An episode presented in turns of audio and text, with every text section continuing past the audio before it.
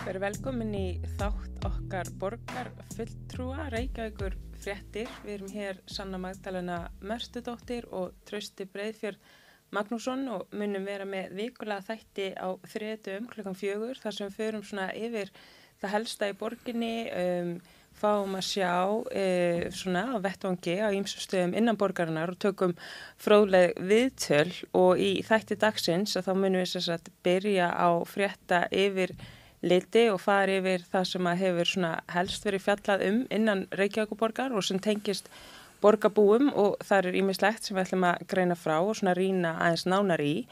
Og svo munum við fara á vettvang. Við heimsóttum sagt, íbúa hjólhýsa og húsbílabiðarinnar á sævarhauðanum og þar sem að íbúar hafa núna búið uh, frá því sumar eftir að hafa flest frá lögadalnum og íbúðar lýsaði yfir hvað þetta er í rauninni grátt og, og, og rálegt og allt rátt aðna búsetan aðna og það er nöðsynlegt að finna langtíma staðsetningu sem hendar fyrir þessa búsetu.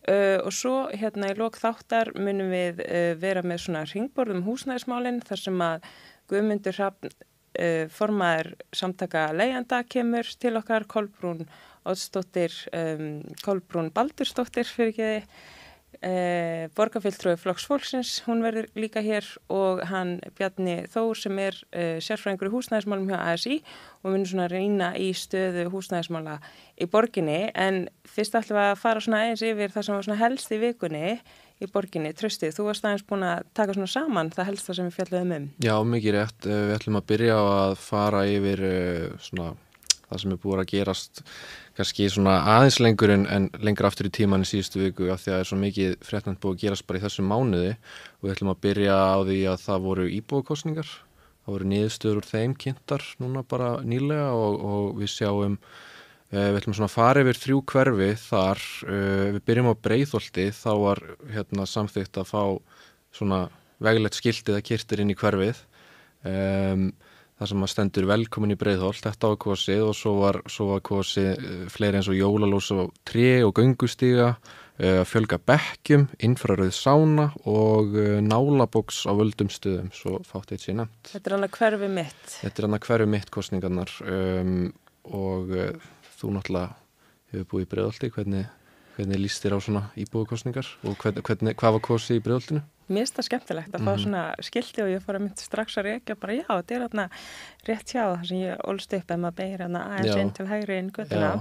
Uh, mér finnst svona sko í grunnun þá náttúrulega finnst mér svona líðræðis í rauninni verkefni bara mér finnst mjög gott að íbúar fá eitthvað um það að segja hvernig fjármunum er forgansraðað en það er náttúrulega alltaf eins og við höfum verið að taka eftir mm -hmm. að þá einhvern veginn ferði ekki beint að segja þitt um það kannski sem mestu máli skiptir. Þú veist það er einhvern veginn þetta ákveða þú veist hvernig viltu bæta nærumkörfið en það er ekki einhvern veginn hægt að ákveða bara hérna fer fjármagni að bæta skólana eða bæta raunverulega borgina, bæta húsnæðismálum. Þetta er alltaf svona viltu,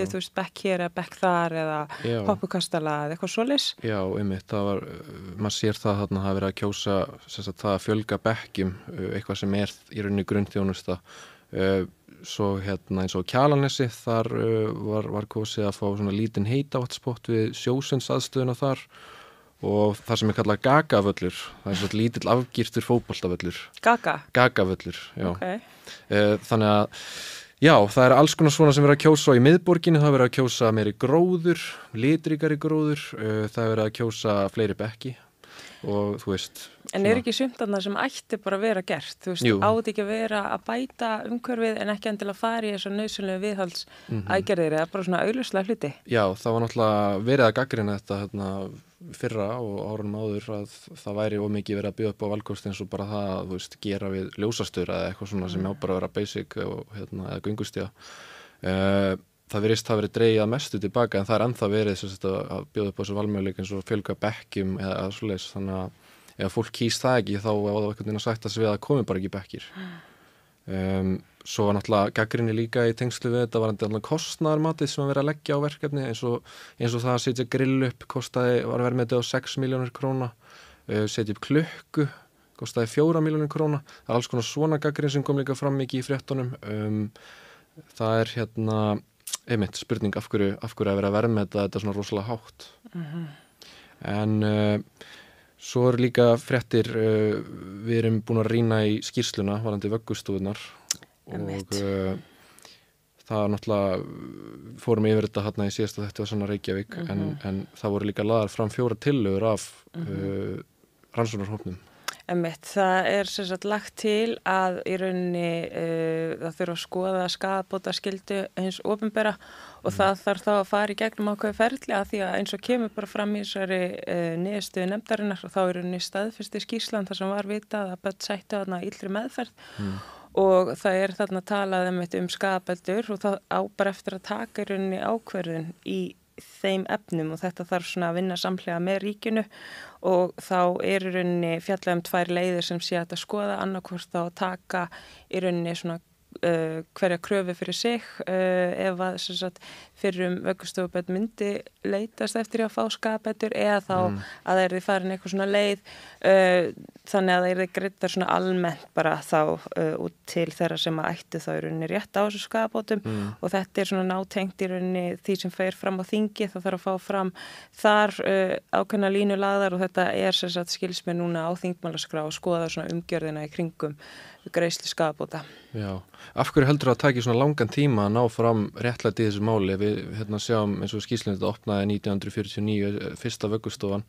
Uh, af hverju heldur það að taki svona rosalega langan tíma að ná fram réttlæti í, í málum þar sem við verðum að brjóta á börnum? Sko ég held að þetta hefði jafnvel ekki verið skoðað ef það hefði ekki komið vegna fyrir um vöggustofubarna sem að emmett voru í hópnum réttlæti Já. sem að kölluði eftir í að þetta yrði rannsakað mm. og í rauninni þá fara hjólinn að snúast. Þetta er vegna kröfu þeirra sem að Já. í rauninni svona yfirveld ákvæða að gera þetta og eftir það finnst mér alveg hjólinn hafa snúst mér hratt en ég svona velti mm. fyrir mér ef að, ef að þeir hefði ekki stíð fram, þarna fimm menningarnir sem að uh, voru í þessum hópi hvort að þetta hefði nokkuð gerst yfir höfu. Það að veri mm. náttúrulega svona umræður um í gegnum tíðina og alls konar svona frásagnir sem að lísti að þarna hafi bara mjög slæmi hlutir átt sér stað mm. en ég held sko að ömmit það er doldið svona fólki með reynsluna til að stíga fram og segja bara eitthvað hei þú veist þetta er ekki lægi það þarf að taka þetta út Já. og hópurinn ömmit þú veist kalla eftir að það er því rannsókgerð og ömmit eru núna búin að vera eða svo sett í aðdraðand þetta rannsóknarna að kalla eftir því að tímabili er því sem sagt framlengt um, mm. til í rauninni ásins 79 vegna þess að það var alveg ennþá starfsemi í gangi Já. og það er einhvern veginn ekki inn í þessari nefnd og, og það er einmitt eina tilöfum vekkastofunemndar að hún er svona að segja að, að hérna, það þurfi að meta hvort að það er að skoða um, frekar þætti sem ég tek alveg undir.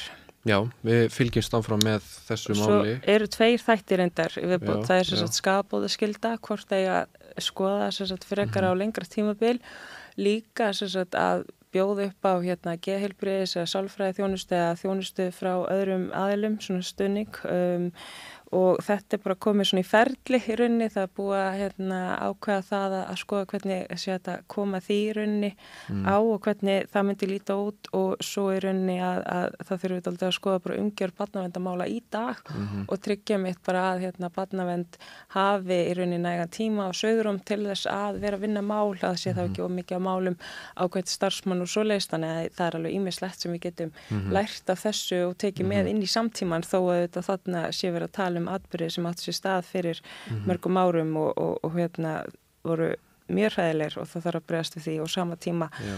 tryggja ekkert í líkingu við þetta eða ekkert svona getur komið upp sem að hérna sé bönnum ekki fyrir bestu. Já, einmitt. Fylgjus með þessu þó að uh, það sé búið að viðkynni skýsluna að við brot, verið brotið af bönnum þá og samt ennþá eftir að, að vinna máli algjörlega, algjörlega. í gegn þannig að við fylgjumst áfram með því. Já. Uh, svo eru við að hérna með fréttum að varandi NPA, nótundastýra persónulega aðstóð mm -hmm. um, Þú ert í verðfarráði, þar var verið að leggja fram tilöðu um að fjölga samningum. Já, fjölga sérstaklega NPA samningum um 14 og uh, það var sérstaklega ekki að þetta samþykja þetta bara hjá velferðaði, það þurfti að vísa sér til borgarás, af því borgaráði er með í rauninni byttuna.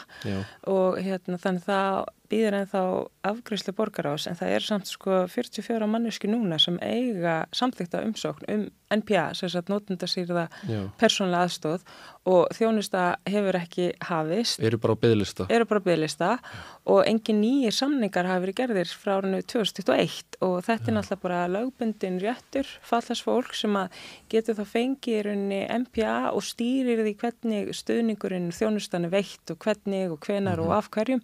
Þannig að þetta byggir auðvitað hugmyndinum sjálfstætt líf og það er ekki hægt að sko sitja kvóta á mannréttindi eins og í mhm. lögunum þegar þetta var fyrst samþekkt 2018 mm -hmm. að þá í rauninni sko var talað um x marga samningar sem ætti að gera á innlegginga tímabilnu mm -hmm. en þú mhm. getur ekki sagt bara samningarnir verða x margir og svo bara hvaðum mm -hmm. hina sem er rétt að samningi en fáin ekki Jú. og hér sjáum við mitt sko frá grein sem að hérna er vittnaðan í mannréttindalögfræðing 2018 sem segir um mitt bara Jú. ótækt að að kóta mannréttindi vegna þess að þú veist eða rétt á ákveðinni lögbundinu þjónustu þá er ekki að segja bara mm -hmm. þú veist ríki getur ekki einhvern veginn sagt við ætlum bara að gera svona marga samninga og svo, og svo hvað. Jú. Núna hefur þess að bráðbyrða ákveði e, í lögum um innleggingatímabil verið framlengt og Þetta hefur verið alltaf svona barningur á milli ríkis og sveitafélagum hvernig kostnæðar skiptingunni eigi að vera háttað. Hinga mm. til þá hefur ríkið greitt 25% af samningum og, og sveitafélagi 75% mm. og það hefur verið eitthvað svona barningur á milli ríkis og sveitafélagum hverja að greiða en núna sem sagt er við þá með á borðinu að, að velferðar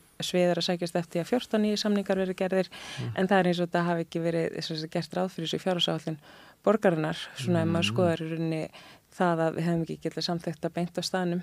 Um, Hversin er verið að samþykja lög um, að fólk hefur réttindi en á sama tíma er ekki verið að tryggja þau réttindi í, í praxis? Það er stóru spurningin sem Já. að er bara mjög góð spurning sem ég er ekki með svarið við. Mjög sérstakt sko, mm -hmm. en, en maður sér þetta líka bara þjónustu við að þetta er eins í félagsbústuðum og, og bara bygglistar einhvern veginn mm -hmm. verða til allstaðar mm -hmm. þó að sé hveðið mitt á um að séu réttindi. Já. Uh, og það er ekki að, þú veist, fólk getur ekki beðið til lengdar eftir þjónustu sem það á, rétt á. Það er náttúrulega bara alls ekki hægt. Og, og þetta er einmitt eitt af málunum sem er til umræða á fundi borgarstjórnar í dag á okkar sósélista, bara hvernig mm -hmm. ætla borgin að bregast við þessum veruleika. Já. og ég hef um lagt fram sko fyrirspurn í velferðaði og ég býð eftir svari um hvort það séur unni bara borginni sé lagalega stætt á því að, að sagt, hefja ekki mm -hmm. e, samþekja ekki samninga við þeir sem eru að býða því að auðvitað átt ekki bara að býða og býða og býða og hvað gerur það með hann? Uh, þeir sem eru að hlusta þá er þetta þátturinn Reykjavíkur frettir með borgarfulltrúðum sósilista, Svonni Magdalena Mörstudóttur og Trausta Breiður Magnúsinni uh, við erum hérna að fara við frettir vikunar og erum búin að vera að ræða þó nokkuð. Við ætlum líka eins að fara yfir, það var fundur í síðustu viku sem, hérna, á svona málþing sem bara heitið Hágæða almenningssamgöngur. Mm. Þetta snýrist sem sagt um það, uh, þetta voru bara umræðurinn um það hvað, uh, hvað hérna, sveitafélagin á höfuborgarsvæðin eftir að gera varandi samgöngur um milli keflavíkur, flugvallar og, og höfuborgarsvæðinsins. Og uh, borgarstjóri, Dagur Bjækísson, tók þann til máls og, og hann var svolítið svona að tala um að það væri nöðsilegt að bæta almenningssamgöngur frá Keflæk og til Reykjavík eins og staðinni núna þá er Strætó þarna, uh, hann tekur bara við 300 manns á hverjum degi. Uh, en á Keflækulfugli er að lenda náttúrulega þúsundir manna á hverjum degi, þannig að það voru svona umræður um það hvað ætti að gera en það er ekkert búið ákveðan eitt, þetta voru meira svona umræður en, en það er einhverja svona vangaveltur á loftinu um það hvað ég að gera. Um, hvað, hvað finnst þér um svona pælingar svona? Ég held að sé bara, þú veist, að bæta allar almenningssöngungur sé mjög gott og ég segi bara áfram með það, sko, en núna er mhm. þetta hvað, vagnum með 55 held ég sem fer hérna upp á flugvöld. Um, mér finnst samt aðdilsverð, sko, ég hef tekið mest eftir í innan borgarstjórnar að sá sem er svona spenntastur fyrir þess að hugmynd er borgarfylltrúin Pavel Bartusek, hérna borgarfylltrúi, var borgarfylltrúi viðrösnar mm. og ég er svona, jú, þú veist, auðvitað að bæta samgöngur á milli sveitafélag en getur byrjaði að hafa, þú veist, stræta samgöngur góðar hjá okkur? Og ég held að það líka, þú veist, einhvern veginn ít undir að fleiri vilji nota þá samgöngur þegar þú ert að fara út af almenningssamgöngur, þegar þú ert að fara út af flugveld, það er svo ofta eins og sé kynnt eitthvað svona lausi með að virka, þú veist, ó, við þurfum bara að fá enna góðar almenningssamgöngur upp á flugveld, þú veist, jú, frábært, en mm. ég minna meðan að þá er, er að treysta sér til að nota stræta og höfbarkasvæðinu, ef þá ekki, þú veist, að byrja þar svo við séum potið þá með uh, eh, notendahóp fyrir mm -hmm. hinnar almenningssamgöngunar sem kemur þá sína fram að við getum byggt eitthvað svona, grunn, svona grunnsamgöngur áður við förum kannski yfir í hitt emitt uh, svo eru við líka með fréttvarandi sunnutorg uh, flest fólk kannast við þessa byggingu. Hún var náttúrulega á mínum að er mjög fallega þegar hún var ekki alveg búin að grotna niður. Hérna var reygin sjoppa og bílalúa. Uh, nú er hún hins vegar í mikillir niðuníslu og það hefur ekki verið neitt aðna held ég í kannski tíu ár eða meira. Um, hvað hérna Já, hvað hva finnst, hva finnst þér um hugmyndir um það að hérna, Reykjavíkuborgun núna óska eftir því að fá einhverja rekstraðalaðin mm -hmm. sem eru með hugmynda því hvað megi gera mm -hmm. um, Þú varst með tillu á síðasta kjörtíðanbili mm -hmm. um hvað væri hægt að gera þannig mhm. Að væri, að með það væri verið að leita einhverjum aðla, að væri Já. þá, þú veist að íbúar í nærumkörfinu gæta einn svona fengið að hérna, nýta þetta fyrir veggjalist uh, en það var vist ekki, ekki hægt og mér skilst að sé eitthvað svona ákvæðið með um þessa byggingu þannig að það megi ekki Um, það er svona skipta skoðanir inn á hérna, íbúa hópnum á, á, á Facebook. Það eru svona sumir að tala um með mitt að þurfi þú veist að efla þetta og gera þetta skemmtilegt reyna að finna einhvern rekstraðila sem geti glætt svona lífi í bygginguna. Mm. en, en svo er líka eins og séur allir um að þurfi nú bara hérna, fjarlæga þetta og rífa þetta þetta sé nú orðið aldrei hérna, mikið líti Já, er það eiginlega núna sko. Maður, hérna í bíðan á látt og oft framjá þetta er alltaf grotna niður með hverju ferðin sem maður lappa framjá og það er engir gluggar eða netta, það er bara svona plankar sem er syndað, þetta er mjög falleg bygging en það er einmitt spurning hvað er hægt er að gera það var mm -hmm. hérna, stóð til að opna veitingastað það voru skiltið sem hengu alveg í 1-2 ár sem stóð á hér opnar veitingastað en það var ekkert að gerast þannig að það er spurning hvort það sé bara einmitt komið tíma að rífa þetta en, mm -hmm. en það eru skiptaskoðanir mm -hmm. En hvað var það með allar sjóppunar? Er það bara, þú veist, var ekki sjóppun að lókum daginn? Já, vá, einmitt uh, það er góð spurning, það er eini árbænum skalli. Já, já. og ég veit ekki um fleiri en einmitt sjoppu menningin, það er líka áhugavert hérna út af fyrir sig, svo menninga hún er svona horfin, hvar kannski svolítið með vídeolegunum en þetta var alltaf í hverju hverfi og hérna, mikið félagslíf. Og mínumúlíksárum þannig Blandi í póka Blandi í póka og hangi í sjoppinu en já uh, svo verið að friða bensinstöðar Uh, borgarsögursafnið skilaði skýrslu inn og, og laði til að það eru fjórar bensinstöðar í Reykjavík friðar, það er meðal hans þessi þarna háliðisbraut uh, eh, það hefur verið reygin hjólriðaverslun hann undanferðin ár svo har verið að leggja til að uh, bensinstöðun hérna við Bólholt þar sem nætu ættum að tekja upp, hún er í mm. friðuð bensinstöðun við Skóarlíð -huh. Og skal ég segja þér bensinstöðun á ægisíu sem er í Vesturbæ. Er búið að friða þessa bensinstöðun það er verið að leggja það til. Já, og rökið með því er að þetta hafi sagt, menningarsöguleg og, og hérna, byggingarlistaleg sagt, eh, sérstöð, það hafi þá sérstöð að vera svona menningarsögulegar eða, þannig að þetta eru sumi bensinstöður og, og eða þessar bensinstöður og sumi lóðum og borginn samti við ólíufélagunum uppbyggingu á. Þannig að mm borgin eh, samtisast við félagunum það að þau myndu fá að byggja á lóðum í borgarna eða myndu loka bensinstöðunum en, en það er áhugvært að sjá um þetta það er ekkit að fretta, þeim hefur ekkit verið lokað síðan þá mm -hmm. þú manns kannski eftir í hvernig mm -hmm. þessi samningur nákvæmlega gekk fyrir sig, þetta var hvenar fyrir 5-3 árum Man ekki nákvæmlega en það var síðasta kjörtjömbili að þá er þetta sett fram til að veita hérna, bensinstöðum svona einhvern kvata til þess að hægt að vera með mengandi starfsemi uh, og fari uppbyggingu, íbúðar uppbyggingu og uppbyggingu á verslun. Um, en ég menna svo að sem við sagt einmitt bara er þetta ekki degjandi starfsemi? Okkur þarf að borga bensinfjölu um einhverja sárabættur fyrir að hverfa? Já. og þetta er náttúrulega þú veist af hverju er borgin að færa bensinstöðum mm -hmm. uh, svaka sko fjármagn í rauninni sem kemur þá út úr þess að þau fara að byggja eða veist fara með byggingaréttin uh, þannig að það á ekki að vera eitthvað okkar hlutverk eitthvað mm. að gefa þessum kapitalistum meiri penning mm. sko. En nú var borgarsöðu friða byggingarna leggja til eða ekki leggja til sig, geti, geti það sett þetta allt saman í uppnáma þessi byggingaráformi að standa hana byggingar sem ég get ekki rifið. Mér er stoltið áhört að það komi að þessum tíma sko. Veit ekki hvort það er tilvílin eða hvort það sé eitthvað meira baka þetta. En við höfum einmitt síðan að formaður umhverjus og skipilarsráð, Stóru Björnskuðinsdóttir, hefur svona talað ekki tekið beint undir þar sem mhm. að hérna, kemur frá þessari nefnd um friðun. Mm -hmm. Þannig að svona áhört að sjá sko hvena mhm. borginn tekur undir með starfsfólki sín og hvenar ekki sko. Já, einmitt, þetta er áhugavert en, en líka maður líka benda á að takmarkjum í þessu samningi var að oljufélagin myndi loka bensinstöðunum en það, þeim hefur ekkert fækkað mm -mm. á síðstlinn árum. Fyrst var lagt upp með að þeim er fækkað um helming fyrir árið 2025 sem er bara eftir tvö ár um, þeim er bara ekkert fækkað og svo er búið að breyta þannig að maður fækkum helming fyrir 2003, árið 2030 þannig að það verður áhugavert að sjá Svo erum við með hérna eina fréttalókum sem er uh, Íslenska æskulíksanarsónin. Hún var sem sagt uh, byrt og, og uh, kynnt fyrir okkur í, í nefndum innan borgarinnar og það er svona verið að fara yfir stöðuna hjá, hjá hérna börnum og, og ungmennum. Uh, hér er meðalans úr staðarind dregin fram að uh, krakkar í fjóðabekk fara svenga að sofa nokkur sem í viku eða oftar vegna þess að það geti matur heima. Mm. um, þetta er svolítið sláandi, ekki sátt Þeir eru nýju til tíu ára guðun bönn í Fjörðabæk, þetta er bara lítið mm -hmm. bönn mm -hmm. sem bara er ekki borðað þegar þeir geti matur heima. Já, þetta er rosalegt. Um, Þetta var hérna framkvæmda að mentavísindastofnun Háskóla Íslands þessi rannsókn og, og það er mjög áhugast að renni gegnum hann hún er alveg vel yfir 100 blasið og það er fullt annað sem kemur fram. Uh, meðal annars að hérna 70 4% stelpna finnum verið kvíða veikulega oftar í tíundabökk og þetta hlutvaldur hækkar rosalega mikið frá því árið 2010 þá var það 42% mm -hmm. og, og þetta er svona trendið þú veist í öllum, öllum 8. tíundabökk að kvíði er að aukast og debur er að aukast og sjálfsvíkshugsanir líka er að aukast um, fólk sem er vilja að kenna símónum um þetta hvað hérna, tekur undir það að, að, að þetta geti verið símannir eða er eitthvað fleira sem kannski er að spilina það er náttúrulega auðvitað að segja mm -hmm.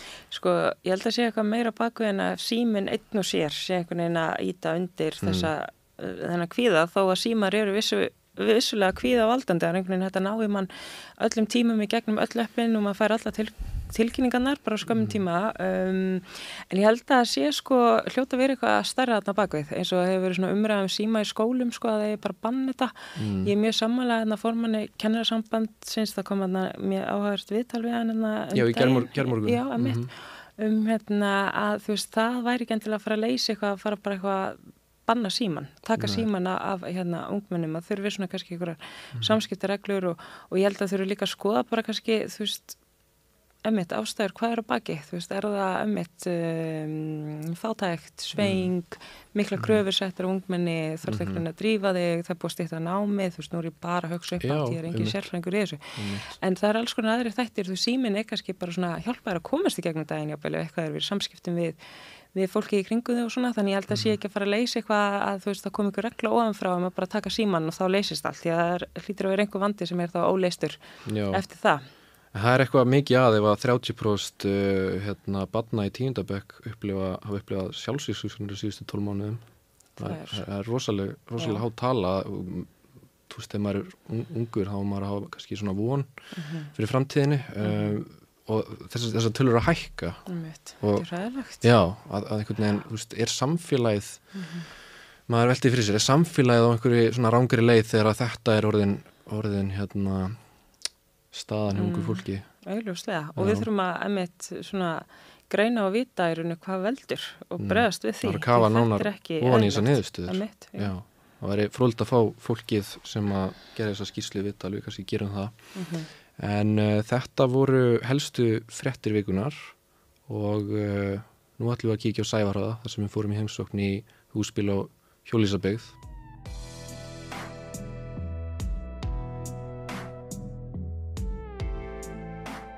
Já, við erum hér í Sævarhæðanum þar sem að íbúar hjólísa og húsbíla byggðar hafa fengið aðstöðu, voru áður í laugadalum og eru hér ótímabundið en vita þó ekki hvort og hvar eða hvernig langtíma stæði muni finnast fyrir uh, þeir sem að búa hér. Og eins og við höfum hérna verið að fjalla oft um að þá hafa íbúar verið að kalla eftir varanlegri staðsetningu og verið að kalla eftir að Reykjavíkuborg finni og skilgreni hjólhísa og húsbílabegð þar sem að íbúar geti verið tilengdar og verið með allar svona nærþjónustu hjá sér. Og eins og við sjáum hérna áminnum skoða aðeins á eftir og þá er svæði hérna mjög grátt, þetta er hérna við uh, gamla svona síló uh, kennileiti sem við þekkjum mörg hérna og það eru glerbrót á svæðinu, þetta er ekki svona mjög aðlandi og auðvitað þarf að gera eitthvað til þess að gera svæði svona skemmtilegra og, og hlýra.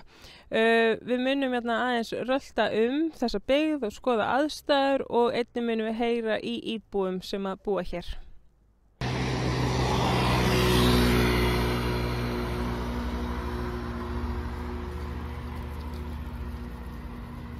Gertís, hvað hafið þið verið lengi hér?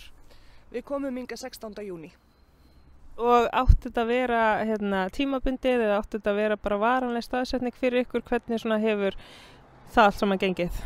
Þetta átti að vera tímabundið í 8 til 12 vikur en hér eru við enn og hérna það bara verðist vera alveg sama að hérna hvort að það eru við eða sá sem að er, hefur verið ötulastur við það að berjast fyrir okkur að hérna við komum allstaðar á lokum dyrum og það vil enginn taka ábyrð hjá borginni og, og hérna það er enginn tilbúin til þess að segja já hérna þessi á sjáum þetta eða hinn á sjáum þetta og það er enginn tilbúin til að segja þetta eiga samtala við okkur og ekki neitt þannig að við erum eiginlega bara svolítið í reyðileysi og við vitum ekkert. Og nú hefur við aðeins verið að rölla þetta um og þetta er svona freka grátt og freka svona hrjúft. Hvað, hérna, hvað væri þetta að gera núna til þess að bara laga aðstæðunar og umhverfið í kringum ykkur? Það er bara að þrýfa. Koma og þrýfa eins og átt að gera. En það hefur ekkert verið gert. Þetta, að ég veit ekki, þetta er, þetta er ekki flókið sko. Og, og þetta tekur ekki nema kannski tvo daga að, að reynsa til og laga eða koma nokkrir og hjálpa staðið það. En við getum ekki gert það, við erum ekki með neina kerrur eða neitt. Hvernig er með aðgengi svona vatni, heitu vatni, köldu vatni, er þetta allt til staðar hérna eða hvernig sækið þá það? Við höfum aðganga köldu vatni og það var sett upp krani hérna fyrir utan þannig að við getum allavega tengt slöngur í til þess að fylla á hísin hjá okkur en þeir sem eru lengst í burtu þeir náttúrulega komast ekki í vatni vegna þess að við erum ekki með nógu langar slöngur. Eh, það er ekkert heitt vatn vegna þess að í fyrra vetur þá sprakk hitakúturinn á svæðinu. Það var komið með tvo aðra en hefur, þeir hafa ekki ennþá verið settir upp. Þannig að við höfum engungu aðganga kölduvatni inn í húsi. Hér þarf auðvitað að bæta stöðuna. Er með eitthvað skilabóð til borgarinnar? Já, það er bara að vinna og gera hlutina sem á að gera. Það er bara ekki að hanga og gera ekki neitt og naga blíhandin.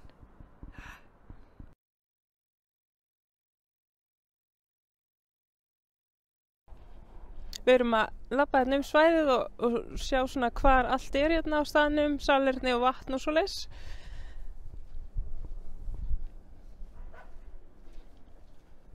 Hér er alls konar, alls konar dótt. Gott að komast inn í hlýjuna. Það er, það er samt ekkert jafn hlýtt allstaðar. Sko. Það er nýttaðarstaðan og það er ekkert rosalega hlýtt hér og hér er bara kallt vatn. Það kemur bara, já það þurfti að skipta um hérna. Það er hérna tvö klósett fengum þess að þvóttavélun og þurkaran uh, úr lögadalum sem við höfum þar. Þannig að við getum þó allavega þveið og þurka fötun okkar. Og það er náttúrulega rosa gott að geta komist á sko vassalerni og þurfa ekki engungu að nota hérna það sem er í hísunum hjá okkur. Þannig að hérna en það er eins og ég segi það er ekkert heitt vatn þannig að styrtan sem að er hér.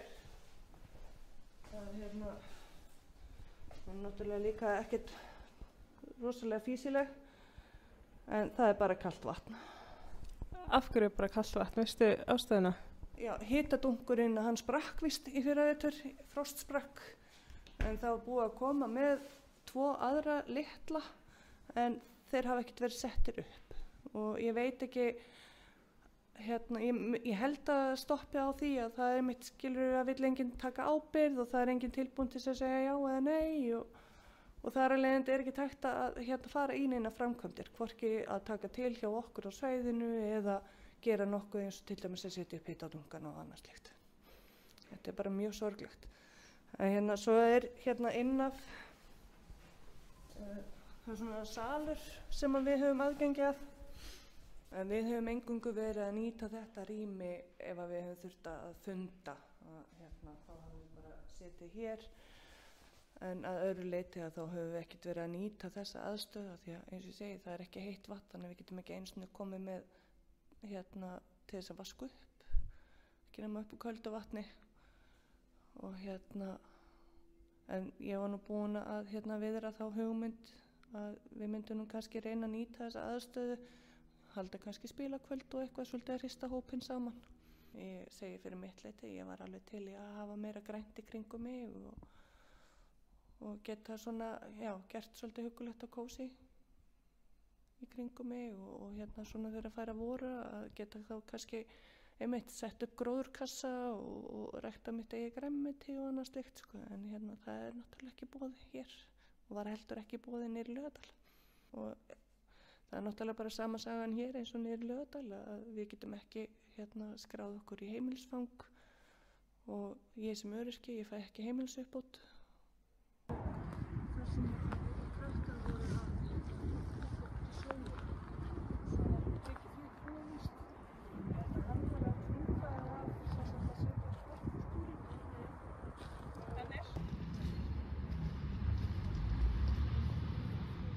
Já, þetta er mjög hérna svona eins og ég hugsa ekki um búsetu þegar ég er alltaf hérna um. Þetta er hérna mjög hrátt allt saman. Þetta er svona eins og yðnaður uh, eins og ýmislegt hafi verið settingað sem er eftir að ganga frá eða eftir að reynsa upp svæðið.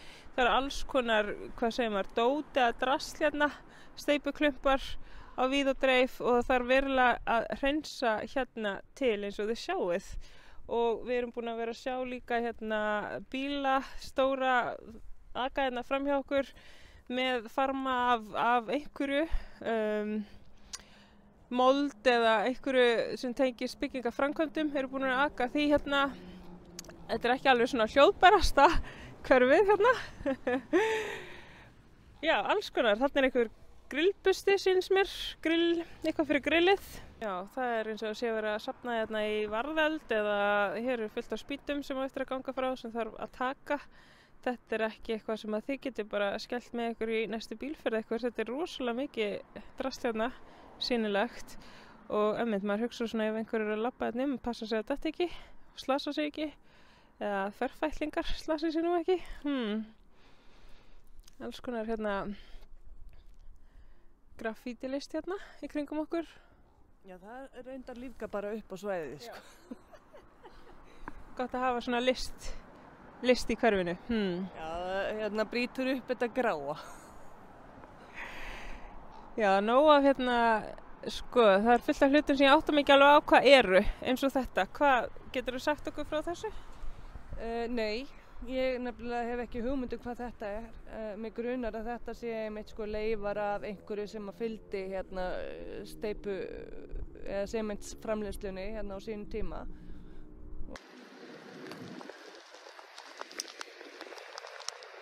Já, hérna erum við fyrir framann þessi gamlu sement síló og við sjáum að glerið er hérna að byrja að hrinja, hefur verið að hrinja niður úr glukkonum og þetta er hérna, núna eru dúfur búinar að sækja mikið í þetta, þetta er mjög hrátt og þarf alveg að fara að flikka upp á þetta.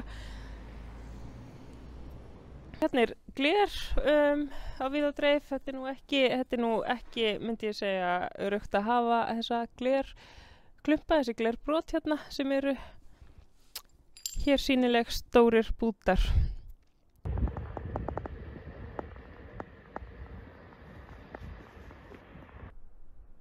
Já, ég heiti Sanna Magdalena Mörstóttir og við kveðjum hérna úr Sævarhauðanum í byli.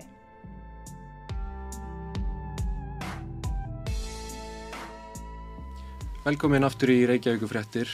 Við erum hér að fara að ræða húsnæðiskrísuna með svolítið sjónarhóttn á borgina.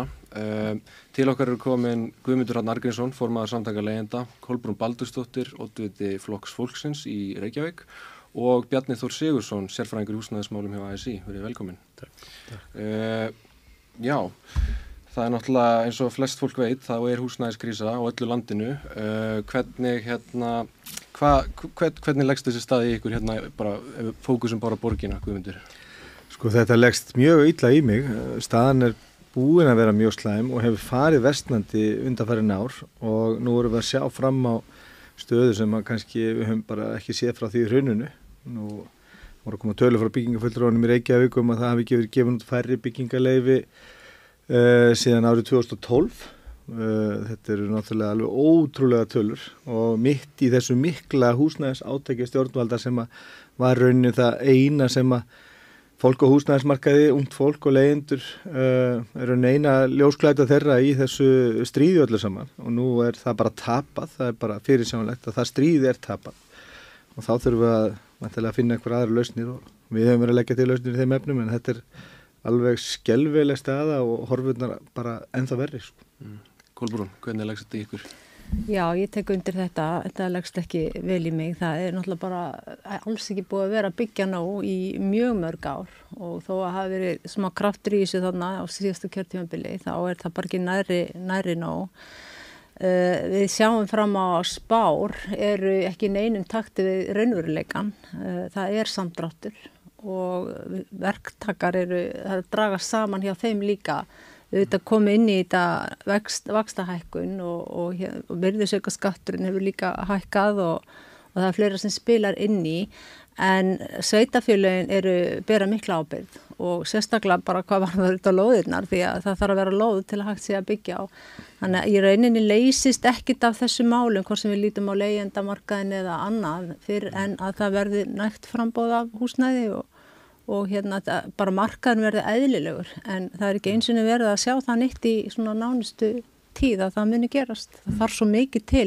Ég vil aðeins nefna bara líka fólksfjölgun hérna. Það er að bætast við kannski alltaf þúsund manns á hverju ári og það þarf að taka það heldur betur inn í myndina að, hérna, og það hefur pínud einhvern veginn glemst að tala finnst mér oft um það að hversu rosalega við okkur er að fjölga og, og fólki hér í bara borgarbúum, fólk sem er bæði að koma utan landin líka bara nýjir, nýjir íslendingar og, og, og fólk sem er að setja staði í Reykjavík. Mm. Bjarni, þið eru það mæntalega kortleikja stöðuna, hvernig hérna, leggst þetta í uh, ASI? Ég tek bara undir með hérna, sérstunundum mínum að, hérna, þetta, þetta er ekki, ekki gott ástand í, í þessu málum. E, í nýjútkominni skýslu HMS eða, eða það var hérna svona fundur hjá, hjá HMS sem var farið í gegnum þessi íbúmál og, og e, íbúð sem það er verið að byggja réttur yfirlega 2000 íbúður núna á síðast ári og rúmlega 2000 þess ári. E, 2500 íbúður e, á næsta ári verður þetta færra e, og síðan bara í framtíðin það er ekki það, það verður svækka eins, eins, og, eins og fólk bendir á. En e, það átti að byggja fjögust íbúður ári. E, í plani sem var hérna gefið út hérna bara fyrir einu hálfu áru síðan nú það hefur breyst. Hérna þörfin er orðin 5.000 íbúður ári. Já, þannig, að, við erum að ekki að framlega 4.000 íbúður mm. e, heldur 2.000 rúmlega og við þurfum 5.000 mm. þannig að vandamálið bara vex e, algjörlega. E, þetta auðvitað við hjá ASI og verkarsefingunni við auðvitað regum hérna svona félag í almenna íbúakerfinu sem heitir Bjarg og erum líka að byggja í, í gefnum svona félag sem, sem er, sýstu félag Bjarg seti Blær. E, vorum byggja, byrja verkefni hérna í Úrsóttal fyrir, fyrir ja, tveimur þrjum mánum síðan. E, en við auðvitað horfum á í raun og all landið líka, við horfum ekki bara auðvitað á höfuborgina en, en en, en sveitafélagin hef, hafa auðvitað enga vegið staðið sig. Og ég var nú að hérna kannski til að allra sangirnist er gætt að þá, þá hefur raun og Reykjavík staðið sem nokkuð vel með, á, á síðustu frá 2018 hefur Reykjavík verið að byggja 54-56% af öllum íbúum sem hafa verið byggður á landinu þannig að það, ég, þannig að, en það, það auðvitað þarf að, gera betur e, við hjá Bjarki höfum aldrei með færri íbúður í byggingu mm. og aldrei færri íbúður í, í, í, í svona pípunum heldur mm. núna Já, það er ennabla samtölur frá síðast árið að það voru byggðar rúmar þúsund íbúður í Reykjavík uh, með að við sko þennan húsnæðisáttmála sem var hérna samin á milli e, borgarinnar og ríkisvaldsins þá er að vera 2000 íbúður ári næstu fimm árin uh, hvernig hvernig bara, þú veist, hvað finnst ykkur um þann samning líka? Er, er það, er það, voru það raunhæf markmið? Hvernig haldið þetta sé að ganga? Hvað, hvernig lítur framhaldið út? Hvernig? Sko, þegar að Borgós og Ríkjusveitafjölu setja fram svona áallanir, þá eh, treystaðu á aðra að framfylgja sínum áallanum. Það hafa skildur í þessum málum, bæði Ríkjusveitafjölu setja fram einhvern óskalista eða svona einhverja óskykju um að það verði framleitt svo og svo mikið Uh, en þá er það bara rekstrar umhverfi verktaka sem ræður því hvort að þessar áallir ná fram að ganga. Uh, það er ekkit frumkvæði nema í gegnum stofnframlögin uh, sem að vel að merkja eru innan við 2% af íslenskum íbáðmarkaði. Þannig að þetta hefur engin áhrif nema mjög lítinn hlut af, af, af hérna, íbúum. Þannig að, að sko áhrif sveitafélaga og ríkis beinlinis inn á húsnæðismarkaðum er engin. Þannig að það er óabyrt að setja fram eitthvað svona óskalista og láta sko svona einhvern veginn hangi í loftinu að, að, þetta sé eitthvað sem að ríkja sveitafélag ætli sér að framkama. Það er bara alls ekki þannig. Þetta er bara óskikja og svo kemur þetta bara niður á fyrir hvern einasta fastegnafélag, fjárfesta og verktaka að vega og meta hvernig hann haga sinni framlöslu hvort það sé hagvænt að byggja hægt eða hratt og hvað sé hagvænt að byggja og hvað selst mestum hagnaði og, og, og þar fram með þetta göttunum. Mm. Og það hefur líka bara sínt sig í því frambóði, að frambóða þeim því húsnæði sem er verið að framleiða.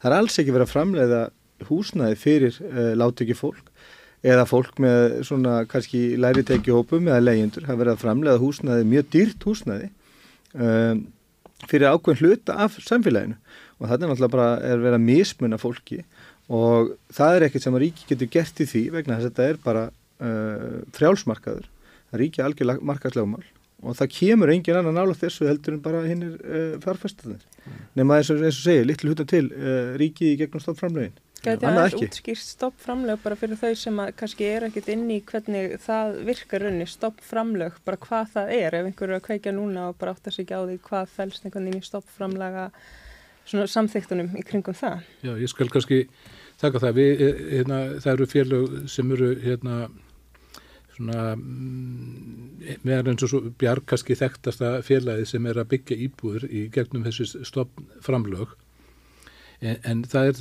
það er þannig að, að e, yfirvöld kom með 30% af byggingkostnæðanum e, í formi hérna, framlaga.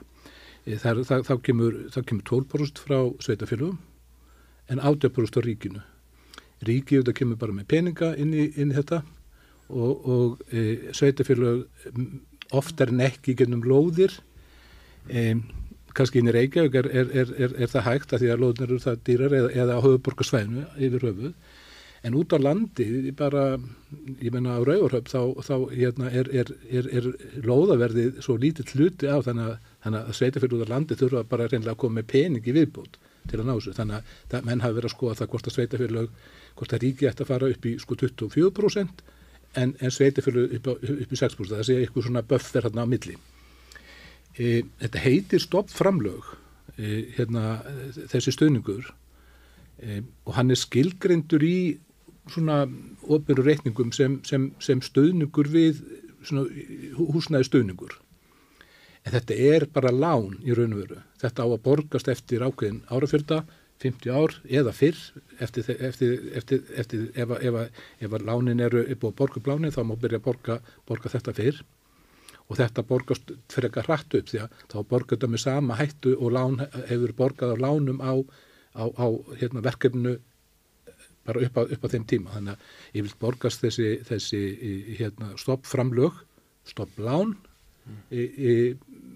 hérna upp á svona kannski svona 8 til 12 árum að meðtali þegar, mm. þegar að verður fara að borga þeim mm. Og þau renna í svona húsnæðismála sjóð um, uppálega þegar, þegar, þegar frumarfið var sett fram þarna 2016 í, í lögum um almenn íbúðir sem stopp framlög byggist á e, þá átti þetta bara renna aftur í ríkiskassan og, og þá setja fyrir að sjóði en hérna verkarlis, eða sérstaklega ASI stóð, stóð hérna mjög á móti því og þetta fer inn í svona sjóð sem á að halda sin, kerfið á að vera sjálfbært eftir ykkur tíma í framtíðinni, ef við segja hvað 50 ár ykkur slíðis, það er langt að býða Hver er þessu uppað sem að, sem að hérna, þessi félög borga tilbaka? Þú, þau fá 18% frá ríkinu sem er þá þessi stopplán Er það þá uppað sem að er bara... 18% ríkinu og 12% sveitafélagum. Já, sem er oftast í formi lóðar, en þessi 18% þegar þau koma inn kannski í, á hérna, vella í dagsins í dag, hvernig eru þau, eru þau með einhverjum vöxtum eða, eða er tekur þetta með af verðmæti e, eignarinnar þegar kemur að því að borga þetta? Þetta er mjög góð spurning og hérna bara verulega góð því að þetta borgast, sko, e, stoppstyrkinir eða stoppframlögin eru, stopplánin ættu kannski segja, eru, eru miður við sko byggingakostnað en þau eru borguð tilbaka að markasverði, það er þess að hérna, fastirna mati eignarinnar sem auðvitað endur spilla þá bara í raun og veru ykkur skona raunmat þannig að það er, það, það er þá ykkur skona verðtrygging þar að segja mm.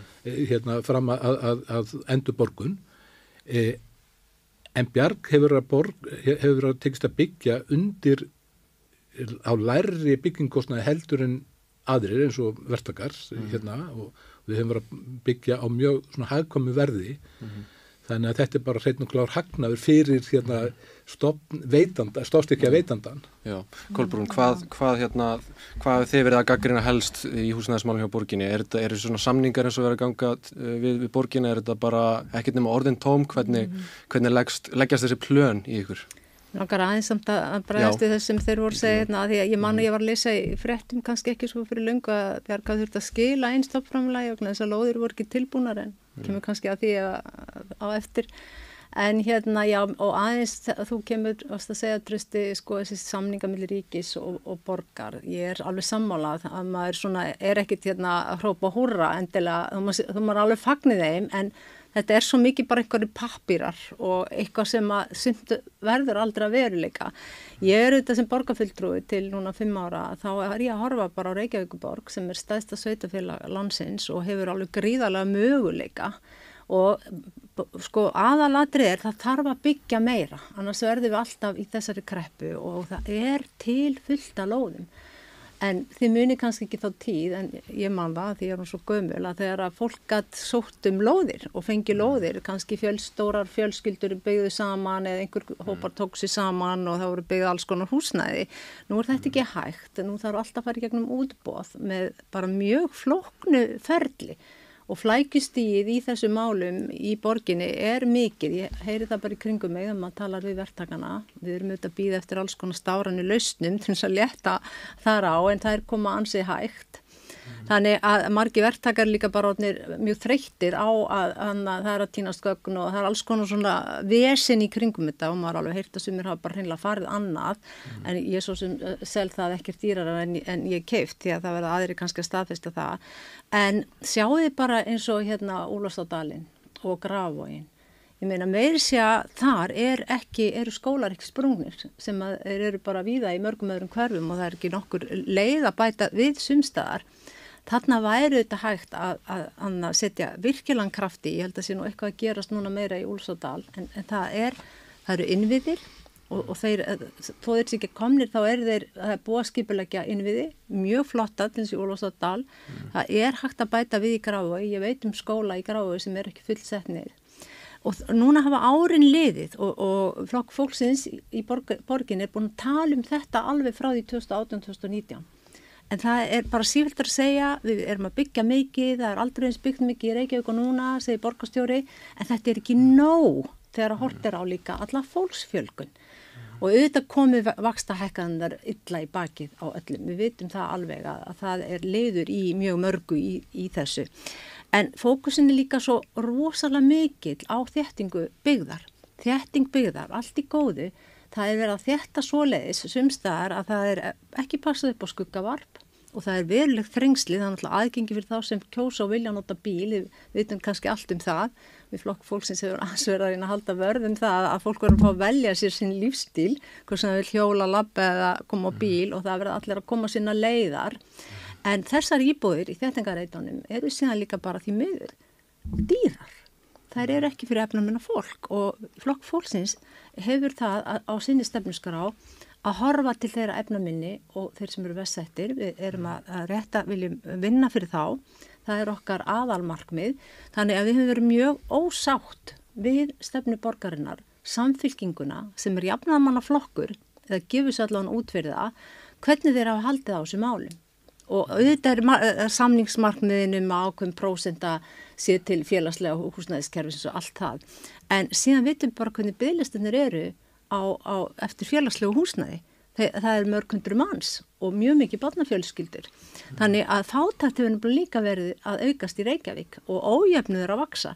Þannig að þetta hangir allt einhvern veginn saman -hmm. og þetta er mjög mikið í höndum meirlutans, finnst mér, fyrir utan það að við þurfum öll að hjálpa stað að hérna, koma verðbólgu, verðbólgu niður og þar að leiðandi vöxtunum. Mm -hmm. Við erum búin að tala svolítið um lóðirnar og það vanti að byggja meira en er það eina vandamálið? Er ekki uh, líka vandamálið það að það eru stóri regnaðalar hann úti sem er að sópa til sín eigunar jafnóðum sem það eru byggðar upp. Þetta er náttúrulega búið að aukast rosalega á síðustu árum og áratug. Um, þurfum við ekki líka að horfa til þess og þá veltum maður fyrir sig sko hvað geta sveitafélagin gert ef eitthvað til þess að takmarka slíka uppsörjun eigna, guðmyndur? Sko ég held að sveitafélagin hefur nokkið heimild til þess að setja svona takmarka á til dæmis uppkaup og eignarhald heldur einfallega þyrftu að gera það í gegnum sín eigin verkefni með því að vera bara að byggja sjálf eða að tryggja það sem vera að byggja fyrir uh, sveitafélagin setja bara eitthvað markmið að hér verði byggð hérna blokk fyrir okkur sem við ætlum að hérna, fara annarko til til hérna leigu eða til uh, verði sem búið til kaupst handa ákveðnum þjóðfélagsópi. Uh, en þetta er eins og alveg rétt þetta er umpólun í eignarhaldi og fastegnamarkaði hefur orðið slík hér í, á Íslandi að, að hverki annar staðar í veröldunni hefur séð álíka tölur þar sem að kaupenda hópar til dæmis eignafólks sem að á fleirin einu og tvær þrjár íbúður uh, á þessu ári þetta er jafn stór hópur og þeir sem eru að kaupa sér sína einu eign sko, for, svo fyrir utan ágang lögæðila, bæði lögæðila sem eru með eina íbúði eða fleiri íbúður Uh, þetta er gríðarlega mikil umpólun og uh, auðvitað þarf að setja einhvern svona reglverk í kringum þetta, það mm. er til í öðru löndum þar sem að, þar sem að uh, hérna, þar sem að ágangur eignafólks og fyrirtækja hefur orðið slíkur að þetta hefur talið ógna bæði verðmyndun og frambóði og hefum þó aldrei og er það þó í löndum þar sem að fastegnumarkaðun er í jafnvægi En hollandsk yfirvöld til dæmis, eða hollenskur háskóli reiknaði út af ef að þess að hlutfall eignafólks og fjárfesta inn á húsnæðismarkum fari yfir 20% þá hefur það mjög slæma áhrif á verðmyndun. Þannig að það er eitthvað starf að slá á þetta uh, og, og, það, það er ekkert eitthvað, eitthvað sérstakur hérna Sagt, forraðis ekki því, þetta er bara til að tryggja það að þessi grundvalla mannreitindi fólk séu virt að þessi aðgangur á húsnaði þess að fólk getur valið sér búsettu og, og, og hérna, komið sér fyrir á heimili fengi þann nöðsynlega fyrirsjáleika skjól og öryggi fyrir hérna, umheiminum.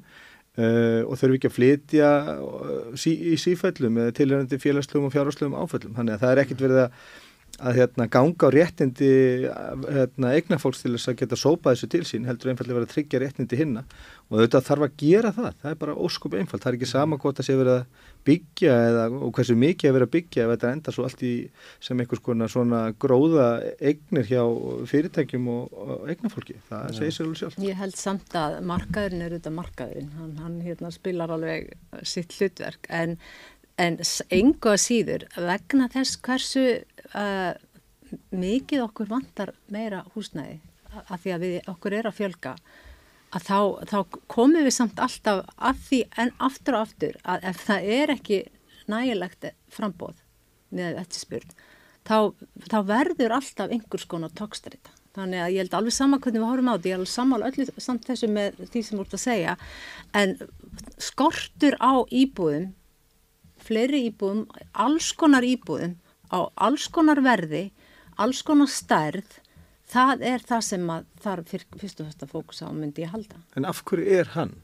Já það er að þeir eru ekki verið byggt ná, ég meina árum saman, eins og Reykjavíkuborg, á þennig að ég kom í borgarstjórn, það liðu mörg ár að það var bara ótrúlega lítið byggt inn í Reykjavík og nú, síðan lokaðist fyrir það að þú gast fengið lóð svona eins og með gamla hættinu mm -hmm. og þá hóst, er það ferli allt svona bara, ég meina útbóð, því ég myndi ekki bara útbóðsmálinn til þessi borginni, við þekkjum það nú sanna, kærunar í kringum útbóðsmál, að það hefur fjölga gríðarlega útbóðsmistökum, þannig að þess að allt núna er í gegnum útbóð, mm. þannig að borginni allar stýra þessu til þess að halda utan þéttingu byggðar fyrst og fremst. Ég hef enga trú á því að markaðurum komið til að hugsa svona félagslegu nótunum og hugsa með sér við þurfum að framlega svo hérna, mikið fjölbreytna íbúðum í ýmsum verðflokkum ef að það hefur verið eh, viðleitnin þá verður löngu byrjaður á því og búin að gera það. Það er ekki viðleitni hjá svona hagnaðadrifni fyrirtækjum til þess að mæta svona einhverju svona félagslegum skildum yfirvalda. Það, Nei, það er ákveðið samningsmarkmið náttúrulega í Reykjavík borg sem við höfum öll samþygt. Það er ákveðið hlutu all fyrir í ákveðið. Já. Að Bjarni, hvað, hérna, er, er markaðurinn að fara að leysa þetta? Nei, sko, varðið spurningu hérna, er, er það eina vandamáli loðaskortur? Mm. Stórt vandamál, ég meina við byggjum ekki íbúður á, á einhver lóðum. E, e, ég held að, að, að hérna, auðvitað er stórt vandamál, en, en það auðvitað er annað vandamál sem er, er hérna, það er alveg sko, nú mann ég ekki, Guðmundur, alveg fjölda íbúða sem eru án sko lögheimila. En- 22.000 Það, það, eru- sko, já, og, og, og, og það eru sko, þú veist, bara eins og um, bara skamtíma, íbúið til skamtímlegu, Airbnb, þú veist, bara þess að e- ef að banna það, þá ætti að banna það ekki svona centralt heldur nýra á sveitafjölu. Ég held að, að sveitafjölu eigi ekki að e- e- eigi að þurfa að ráða því. Ef, að, ef að, að, að það, það er ekki íbúið skortur rauvarhöfn og, þá, og þeir vilja eh, taka mútið ferðamönnum í íbúðinu sínar þá gott og vel. En það sem, það sem skorturinn er fyrir hendi þá að setja verlega takmarkan hérna, við, þetta, við hérna, þessu. Guðmundur kom inn á áðan á, á, hérna, á íbúður sem eru er svona hvatið til að kaupa sér aðra þriðju, fjórðu eign sko og fyrir fólk sem að- er, er, er efna meira fólk og er að gera það til að ég meita setja í skamtímalegu og láta eða láta fátat fólk borga fyrir sig lánin að þá er innbyggt í kerfi bara að fyrir aðra þriðju og fjórðu íbúð sem átt og leigir út þá ertu með 50% af, afslátt á fjármáttekjuskatti. Það er náttúrulega bara bilun. Mm. Það er samt að líka fá að bregðast við hérna að e, ég er ekki alveg sammála því að, að hérna, með því að lækka verði til verktaka að þá fáum við læra íbúðverð. Ég bara treysti verktökum alls ekki til þess að skila þessu til, til, til, til okkar. Og ég held að við þurfum að skoða auðvitað miklu fleiri form heldur en bara eh, einhvern veginn eh, leigu til hin, hin, þeirra lægst, í lægstu tekjutíundun. Við þurfum að horfa á kerfið í heilsinni.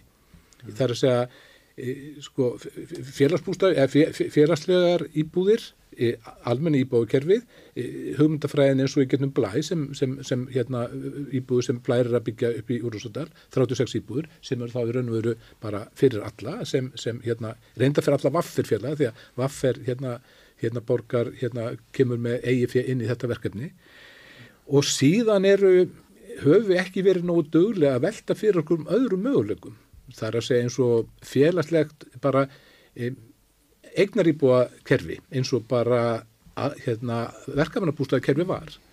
E, það er ekki langt síðan að við fórum hérna úr verkefnsefingu til Norris að skoða kerfi sem er þar, það sem er svona hlutildar leiga, hlutildar lán, hlutildar eign, einhvers konar, þar sem hún getur átt frá 50 upp í 90% af eigninni og, og, og keft hana og, og síðan leigir hinn helmingin og þau getur breyttið svo hvernig sem er. Og þetta sé, svona- er svona ákveð samblanda af markaði og, og, og svona utamarkaði en, en þannig að e, e, þegar við erum að klíma líka við það hérna e, eins og til mis hérna á nýjastunum hérna málfundi um, um, um hérna þörf, íbúa þörf að þá, og, og við höfum heyrt að, að samtök einarins segir það er ekki neitt sem heitir íbúa þörf. Það er bara eitthvað, eitthvað, það er bara eftirspurn. Og þeir eru bara, þeir vilja bara markasvæða þetta algjörlega það, al, alveg eins og Guðmundur kom inn áðan þetta er ábyrra hluti og það á að tala, tala allt öðru sig um þetta. Þetta getur ekki verið eitthvað bara commodity til að kaupa og selja, ef fólk vil hérna, setja peningar sinni í ávústun, þá getur það bara gert það með, setja í amerísk hlutabrið eða eitthvað slið, en það á ekki, þetta á ekki eiga við um heimili fólks. En þarf ekki líka bara að hugsa sko, hva, hvernig við hugsaum við félagslegt húsna alveg upp á nýtt þetta virðist vera að hugsa í dag eins og eins og einhvers konar íbúðir fyrir fólk sem hefur það allra vest í samfélagin ef við lítum á löndi í kringum okkur víða eh, náttúrulega hérna, starkasta dæmi sem við höfum það í Vínaborg í Austuríki mm sem að bara mjög hátt hlutfalli eru félagslegar íbúðir. Eh, þurfum við ekki að, að hugsa meir í það áttina með þetta að húsnaði séu fólk segir þetta séu mannréttindi Já. en með við það vera áttu marka en ráða að mata okkar sósélist allan og þá er ekki verið að hugsa það þannig. Ég má ég aðeins koma inn á en bara þetta því að ég er hérna hér að vinna, er, er, er formað fullur Ráðsbjargs og inn í fullur Ráðsbjargs sem hefur með svona stefnumótun að gera og, og kýrstjórn að, að þar eru leyendur þeir líti ekki á sig sem einhvern veginn búandi í ykkur félagslegu húsnæðiskerfi. Alls ekki. Þess vegna heitir þetta einhvern veginn almenna íbúakerfið sem er líka villandi orð einhvern veginn, einhvern veginn höfum við tilfengur almenn íbúð það er bara allar íbúð sem eru í leigu en, en það, það er, þetta er ákveð þetta eru stoppstyrkja íbúðnar, það eru undir almenn íbúðkerfinu en það, mér finnst það að það er svona hugtaka svona miskilningur líka á ferðinni. Hérna, félagslegar íbúður er það ekki bara það sem félagslegar íbúður er það sem hérna, sveitafélagum er gert samkvæmt lögum gert að byggja. Eins og félagsbústaði. Eins og félagsbústaði. En svo vorum við með einmitt svo frábært kerfi. Ég er svo einmitt sammálaðið að það þarf að vera fleiri svona valu möguleikar. Það, við mögum ekki bara hugsa bara svart eða kvítt, ég meina markaðurinn eða hjálpin. Og eins og kom, var með verkamannabústaðana gömlu. Ég bjóð nú í Vesturbæn malin þar upp og þar voru þessar íbúðir. Og þetta var í rauninni, það hefði mátt heita kannski alveg eitthvað annað, en þetta var kerfi sem bara gekk vel og hérna ég hefði viljað sjá það bara endur gert einhvern veginn þannig að, og þarna bara eignast fólk sína, sína íbúðir og þetta var snirtilt og flott og, og eins með búsettakerfin og, og það allt saman.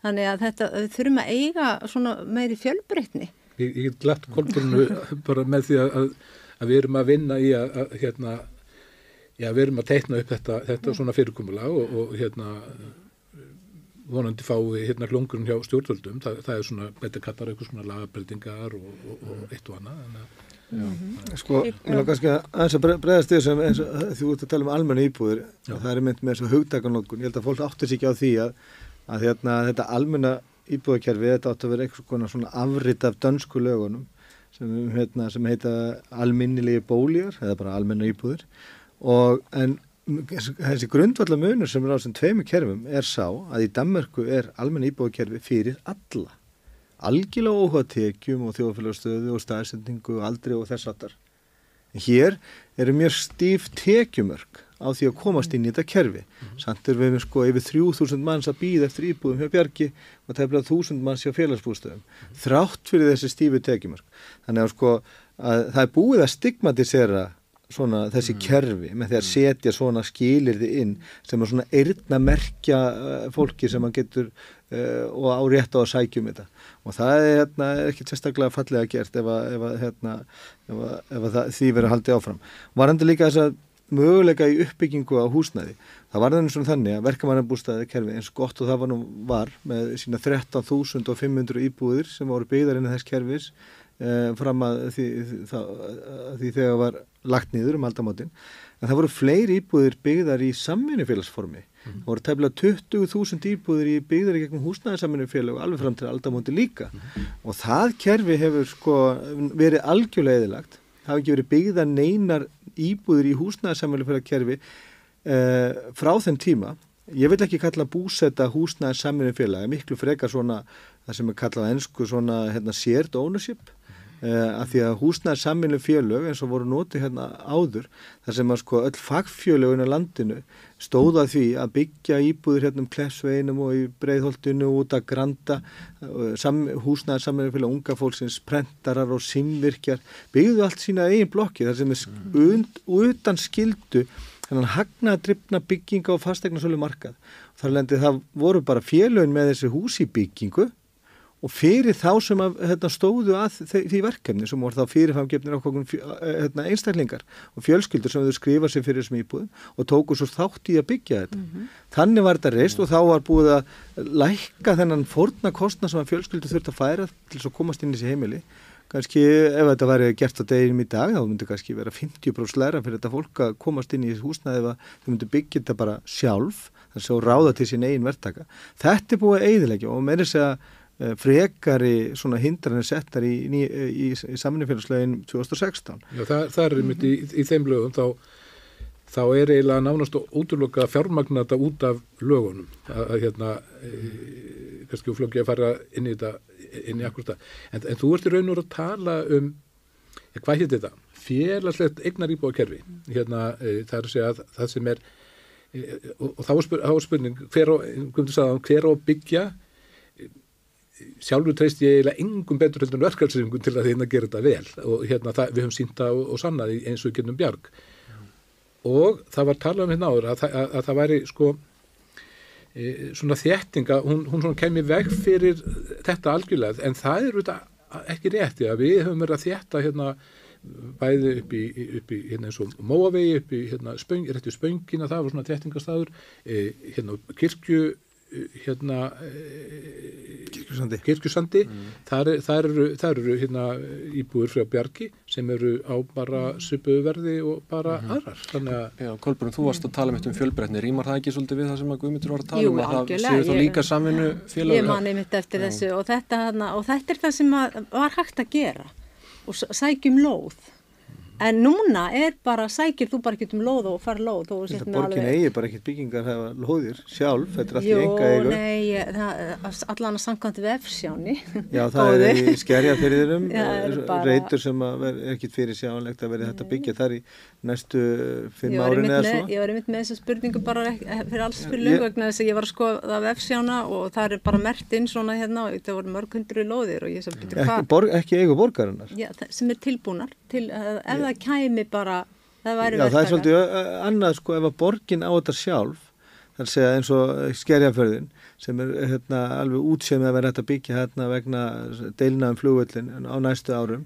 Það er lóð sem borgin á sjálf. Flestar byggingar hafa lóður í Reykjavík eru í enga eigu, eigu fastegnafélaga og fjárfesta og það er ekkit, uh, samvinnufélag geta ekkit farið þar inn og kefti Ég byggingar. reyndar ve veit ekki alveg um þetta. Nei, nei, Ég- það, er, það er borgin á lóðir. Á sko. Hvar- þá? Þú getur eins setið og og, hérna og það er endar Það hérna er ekki alveg svona. það, það eru, það eru hérna Já, ekki fyrir, fjö, svona, fyrir svona, eins og ég var bara að fundi með. Bjarg nýlega, þar sem var farið yfir þetta, að þar er, sko, komi, kom, komi ljós og þetta, ég get að fara með eitthvað sem að, hérna, var, mér var sagt eitthvað einslega á fundunum, þetta er bara það sem að Bjarg er búin að lýsa yfir lengi í, í fjölmjölum eða minnst eitthvað undanfært mánuði, að það eru ekki bóðir lóðir í eigu borgarinnar, þar sem að hægt er að fara að stað með byggingaverkefni núna. það, það eru byggingar hafa lóðir sem að verða bara fara í útbóð og þá bara koma þeir sem vilja bjóða í þetta er ferlið, jú, það er alveg þannig núna, það er bara hefur vantað, við erum að heyra það núna vikulega að það er ekki það er ekki, það er enginn sem sækir um. Ég meina að það var, það leikskóli eða eitthvað hérna sem að að reyna að bjóða út sama verkefni bara það, það vanta verktakanir eru ekki þannig Það eru lóðir eins og, það, það var þetta, 2007 var samtidig skipulega fyrir lóðir fyrir bara rétt hjá Báhás, ég held að það séu 600 íbúið þar. Það er, Úlfarsárdalunum var hugsaði fyrir sko 10 íbúið, það er búið að byggja 1300. Það búið að fella það skipilega á gildi, þetta sem átt að ná, upp á sinni tíma. Nei, ekki, það- já, það, það, en það innan þess svæðis að það eru 10 íbúið sem er ennþá bara gilt og ég fór nú bara, ég hérna fór að týna þetta til sko, að því að mér finnst að, að, þegar við tölum að brjóta nýtt land sko, þá verður að fylgja samgöngur, það er ekki að við, við hérna horfum á það að erum að horfa á, á, á hakka leigu uh, í, í, í, í verkvöldsfyr hérna hreifingunni og, og ef að fólk þarf að að, viðhalda alveg stórkursluðum sko samgöngukostnaði ofan á þetta veist, að, færa, flytja, fátakast af fólki eitthvað störp í fjöll, þú veist, með enga samgöngur og, og bara, og þannig, þannig að þau þurfi sko tópíla, að það er bara arfa vittlust á mínu mati. Já, Þa- þannig að þetta þarf að, hérna, þetta þarf að hérna, fylgjast það. Þannig Úlfarsadal, e, segjum það. Okkar það, á- það er, það, já, eða, eða þannig, þannig að, að mér skilst það, mér, mér sínst það öllu að þetta getur komið alltaf 100 miljórum í, í byggingaréttagjöld fyrir þetta, þá er nú heldur betur að þetta búið til samgöngur. Já, algjörlega, já. með því sko. Innviðið Já. til staðar og algjörlega. Það er þetta sem að við höfum ekki getað skilið. Mm. Okkur er ekki búið að vera krafti farða að stað með þetta og þá er ég að tala um bara strax 2018-19 þegar við vorum að byrja að sjá, sjáum hvernig staðan var og það bara var alveg með ólíkindum að þetta skildi ekki vera hann bara, það var ekki í Úlfarsadal ég það er nokkur ár, 2-3 ár sem bara ekkert er að skeið það nema bara það eru lóðir reyndar sem eru bara með drasla á vegna þess að það eru einhver sko hann það fór í útbóð einhver, einhverju verktakar eru, eru með þetta en síðan eru þeir að býða eftir einhverju, kannski eftir að verðið hækki og þannig er bara bygginga rusl og drasli við fengið endalisa kvartanir frá fólki sem er er bara þetta er hættulegar aðstæður en það er mikið meira þarna sem hægt er að byggja. Eru verktakarnir þá vandin ef við erum með lóðir og okkur vantar húsnæði er þá kannski bara fókusin þegar borgin einhvern veginn ákveður að það er að sitja í útbóð uh, ætti borgin kannski að reyna að taka til sín eins marga lóður og hún getur? Auðvitað eins og þau hafa verið að ræða hér það mismundi hvort að borgin eigi lóðurnar eða hvort að þetta sé hendum engaðila en er það kannski grunn vandin ætti borgin bara að byggja sjálf? Getur borgin byggt sjálf, verður það einhvers konar að koma kannski inn á þetta, sko, Reykjavíkuborg er allan búin að skrifa undir rammarsamkumulega, þetta rammarsamkumulega við, við hérna, e, e, hérna stjórnvöld eða ríkið um uppbyggum og hérna það er nú meira það, það, og það er eina sveitafélag sem er búin að gera það. Síðan er ykkur, liggur fyrir ykkur svona þið sem er í pólitíkinni þið kannski vitið betur um þetta en það liggur fyrir undirskrift eða vilja í vilsing við samtök sveitafélag um, um svona rammarsamkomulag en, en það er ekki fyrir, fyrir hendi. E, já, ég, ég, ég held að, að, að sko að Reykjavíkborg allavega telsi til þess að, að stoppa eða taka af e, þeir sem eiga byngarétt íbúið segja, er, við viljum fá svona mikið fyrir, já, fyrir eins og bjarg. Þa, það hefur verið gert hérna eins og í vóðalferðinu þar sem við vorum að byggja. Þa, það, meina, það, það er gert og það er hugsað fyrir því og það, það er partur af þessu rammasamkóli og ég held að það sé alveg gríðarlega mikilvægt e, að, að önnu sveitafélög að þau hérna, hérna komi líka að málunu og geri svona rammasamkómulega Já, en á borgin að byggja? Já, að mínum að þetta á borgina, hún gerði það hérna í ára tíu og stóðun að uppbyggingu að gríðara miklu á húsnæði. Um, það eru fordami fyrir því hérna í nákvæmlandunum að, að, að, hérna, að sveitafélög reka sína einn íbúðakerfi. Það er bara, Reykjavíkuborg á náttúrulega félagsbústæði á hérna 2400 almennar leiguíbúðir eða leiguíbúðir inn í því kerfi reyndar er þannig að þau eru að kaupa þetta markaði reyndar eftir fyrirfæmkjum verðum en auðvitað ættu náttúrulega að byggja þetta sjálf. Og það er líka eitt varðandi sko lögaðila sem að hérna er að taka þessa íbúð sem er verið til. Þessi flestir þessu lögaðila eru ekki að bæta við markaðin það væri annars sko ef þessi legufélög væri bara að byggja sjálf á fullu og, og en staðin fyrir að sitjum íbúðir bæði lítil og smá legufélög að sitjum þessa íbúð sem verktakandir eru, eru að hérna, bjóða til sölu frekar en að vera að byggja sjálf. En auðvitað eiga náttúrulega sveitafélögin ef að það er útsið með að markarinn ætlar ekki að leysa uh, úr skildum sveitafélagsins þá verður sveitafélagið að gera það sjálf, það getur ekki framselt þessa skildu sína það er bara óskup einfalt, það er bara ólöglegt. Það er bara gegn uh, landslögum og þetta stendur mjög skýrt í lögum um húsnæðismál og lögum um félagsfjóðanstur sveitafélag, þetta er sko skýrt Já. Nú er bara varandi félagsbústæði, nú er þetta svo kalla OHF félag, þetta er sem sett í sér félag. Eh, Þannig að hérna, eh, þetta er bjöluta fyrirtæki, sem sagt, þannig að þetta er ekki undir borgarsjóður er ekki þannig í neinu tengslum við þetta. En þetta félag á að vera sjálfbært en, en síðan eru við kannski búin að heyra um allar sem matsbreytingar og, og hvernig þeir gera upp, sko. En síðan er annað að hérna, félagsbústæðir eru held ég bara mjög í mikil kreppu. Ég meina viðhaldslega þetta, er, þetta berst í bökkum. Ég eiginlega veit ekki alveg hvernig hlutnir ganga þar sko. En maður er stundum óar fyrir sko við erum kannski ekki að sjá allt eða heyra allt hvernig hlutnir er í alvöru en ég held þetta félag, félagsbústæðir með allar þessar íbúðir sé enga veginn að standa undir sér og það er þessna sem fólk hortar yfir að það er viðhald og það er, það er ekki komið og lagað. Og, og ég meina það er margt lagast, ég vil þó taka það fram að hann kom nú nýr framkvæmstjóri til félsbústað, mér fannst uh, margt lagast, það var allavega hlustað meira en ég hef áhugjur af félagsbústöðum þetta er að verða einhver reysi sem er enga veginn sjálfbar Við sitjum hér ef þeir að koma við tækjunum, þá erum við hérna, eh, ég heiti Sanna Magdalena Mörstudóttir, borgarfylltröðu sósalista, Trausti Breiðfjörn Magnússon, borgarfylltröðu sósalista og hér er Guðmyndur Rappn, formaður leiðandi samtakana, Kolbrún Baldursdóttir, borgarfylltröðu flokksfólksins og Bjarni Þór Sigursson um, sem er sérfræðingur í húsnæðismálum hjá um, ASI. Má, má ég hérna svara spurningunni Já. á borgin að byggja? Já, E, ég sagði hana að ég treysti ég lengum til að gera þessa hluti nema hérna, verkefnisöfingunni, þú veist, og, og hérna, e, já, það hefur sínt sig og, og, og svona rótin að, að svona þessu kerfi sem Guðmundur rættu áðan eins og hérna í Danmörku, Svíþu og Noregi, það eru, eru verkefnisöfingin er svona, það sprettur meir og minna upp á verkefnisöfingunni.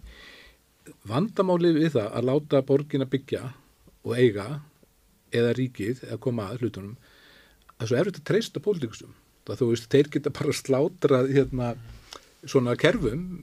Það er gott fólk í dag kannski og síðan eftir, eftir kem- koma, koma ma- menn sem trúa á allt annað. Þú veist, ykkur, ma- markaðurinn að ég bara sjá um þetta og, og, og, og, hvað þá. Þannig að ég, þetta er bara eiginlega jafnslæm hugmynd þegar maður stundum fyrst mynda frábær hugmynd og stundum fyrst alveg ríkarlega slæm hugmynd. Og þetta bara er eins og þú veist að eiga eiga atverðingundur að, þú veist, leia fólki sem vinnur hjá húsnæði og hafa algjörlega reyða að taka um. Nei, ég, ég finnst það ekki góð hugmynd, en þeir auðvitað eiga, þú veist að stöðla að því að það sé hægt að byggja.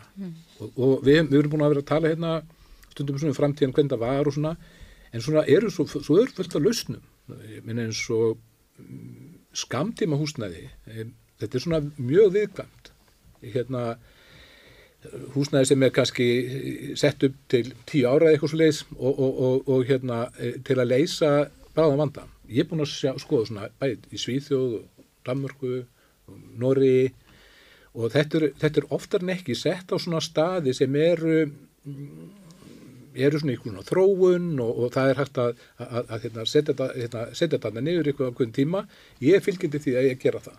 Ég er mjög á móti að færa þetta hérna einhverstað upp í bara bara upp á hólseiði eitthvað svo leiðis, þá, bara verður þetta hérna eitthvað svona gett og til lengri tíma. En ef þetta er sett á staði sem eru í þróun og þá endanum bara ítir kaptæli sjálftir sem burtu sko, þessum, þessum skyndi íbúðum eða, og, og, og, og það er að gera þetta mjög vel. Og menn hafa verið að fá velun í arkitektu fyrir svona skyndi húsnæði eins og í Svíþjóð. Mm. Mm. Rétt svo að, já. Við langar að eins og komin vegna þess að, eins og segið, það eru til lausnir þó að staðan sé virkilega slæmið þetta eins og hún bara alla tölu sína og er, er hún algjörlega óbóðleg og hugsanlega eins og vesta bara í allir Európu uh, við erum með mjög hátt hlut allaf húsnæð sem er, hefur enga lögheilumskáningu og það má alveg gera því skona að stór hluti af þessu, einhver hluti af þessu sé jafnvel auður uh, og sé raunilega bara svona peningageimsla fyrir fjárfesta, við vissum að því til dæmis að hún er frækt að hérna ríkastið maður í Íslands að nátti 55 íbúður hérna á einhvern staðir Reykjavíkborg sem stóð allar auðar og það voru allt innu til taks fyrir hérna flottamins voru komið frá Úgrænu, það voru það búin að standa auðar í tölvöld langa tíma Uh, og, og við veitum hins vegar ekkert umfangið á þessu sem að væri náttúrulega nöðsilegt að halda utanum það, ég veit að mörg, marga borgir gera sér farum það að ná utanum umfangið á auðu húsnæði.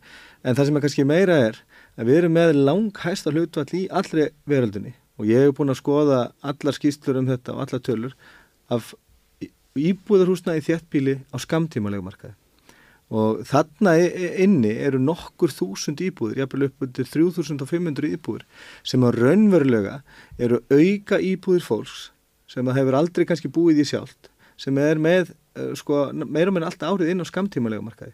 Það þarf að sækja þessa íbúður eins og skot inn á almenna markað til að slá á þessa gríðalegu neði sem er núti. Og það er að gera þetta eins og skot kostar ríkisjóð ekki krónu. Þetta, þetta fyrirkomulega sem er í gangi núna og er við líðið inn á skamtíðanlegumarkaðanum er algjörlega gegn intakki lagan um heimagistingu. Þar sem að uh, intak lagan er það að þú mátt leia frá þér tímabundið þegar þú ferði frí eða yfirgjör heimilið uh, þitt eigi lögheimilið þar sem þú hefur sannlega fulla búsettu við erum með, með hins vegar mörg dæmið það að fjárfestar eiga kannski týjir íbúða sem eru bara með inn á skamtífumlega markaði. Ég þekki persónlega nokkur svona dæmi og svo sér maður það líka bara inn á heimasíðu hjá, hjá Airbnb að gerstgjafur eru með uppmyndu sko 200 íbúðir á sínum snærum og er þá ekki, svona, ekki sem fyrirtæki. Mjög algengt er að sjá einstaklinga með 10, 15, 20 og þar er yfir íbúðir á skamtífumlega markaði og allt hérna, Reykjavík, þá er ég að tala um þetta hérna í Reykjavík. Og þetta er rosalega hátt hlutvall og það er að sækja sig íbúðir bara eins og skot Hvernig ætlar að fara því? Hvað meinar með að sækja? Þú bara, þú bara Senda lög bara og banna þetta? Það er já. þannig í já, bara, bara sko. öllum, já, sko, bara í ár hafa flestar stórborgi í Evrópu verið að herða þessi, herða þessi, þessi lög. Mm, við búum við íbúið þéttni, eins og við tölum hérna um áðan, við erum með íbúið þéttni på 2,6, 386 íbúður fyrir hverju þúsund íbúður sem búa hérna. Að jafna þið er þetta í kringu 600 íbúður á hverju þúsund íbúða. Við erum með sko íbúðþjóttni på 2,6 meðan núna meðaldali svona 1,7-1,8 í Európu. Þannig að neyðin er sko enþá meiri í þessum mikla skorti sem að hvergi er annar staðar og þetta gríðarlega háa hlutvall sem við erum með inn á skamtíumulegu markaði. Við erum með svona eða bara svona fullkomna storm eh, á húsnæðismarkaði og auðvitað með að sækja þetta, allt þetta húsnæð sem er til og, og koma þessu í almenna leigu uh, og, og, og þar lendir kannski slá að leiguverð og slá að þessa miklu neyð. Uh, og það er ekkit eitthvað sérstaklega hugmyndafræðilegur ágreiningur í það að lögum heimagistingu í Airbnb eiga bara virka þannig eins og var lagt var upp með að þú gast leikt tímabönd frá þér þitt eigi lögheimili þar sem þú hefur sannlega fulla búsættu en ekki sópa tíðin 10, 15, 20, 30 íbúðum og vera svo bara með á skamtífulegum Hér eru tveir pólitíkusar sem geta bara mætta, mætta á næsta fund og, Við og náðum komið þessi gegn. við náðum aldrei að ræða leigu þak, það Já, er verið gaman, já, kannski tími búin. já við, við erum að fara að klára þetta en ég ætlaði bara að spyrja rétt að lokum, byrjaði kannski þér Kolbrún, ef að þú værir bara í meiri hlutan, væri með meiri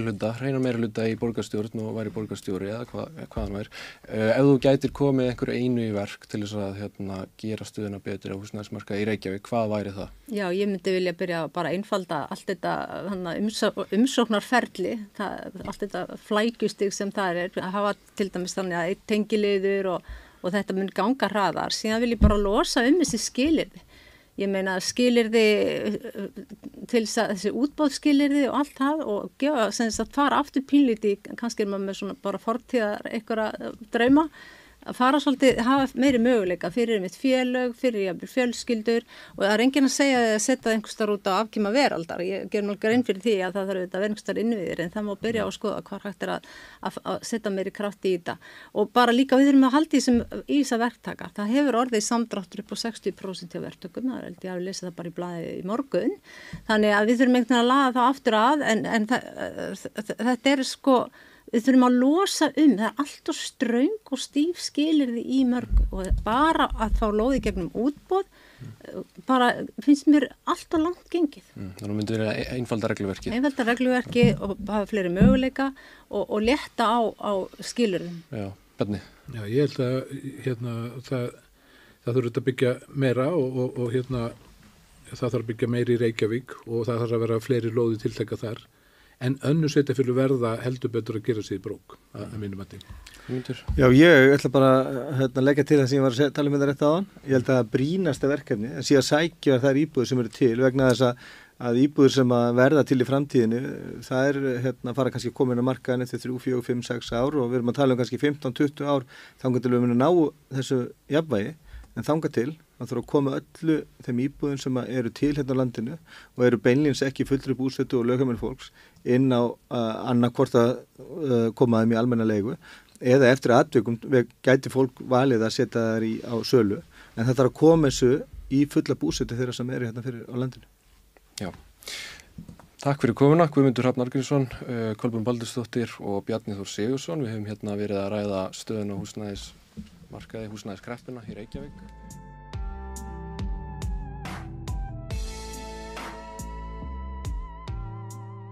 Jæja, velkomin aftur. Uh, við sann ætlum núna þess að ræða bara stöðun á húsnæðismarkaði og líka svona að tala um bara hvernig hérna, þetta samtal gekk á þann, hvað okkur finnst um það sem fólki var að segja, sanna hvernig, hvernig leggst staðan í þig sem sósélista mm -hmm. húsnæðiskrísan í borginni?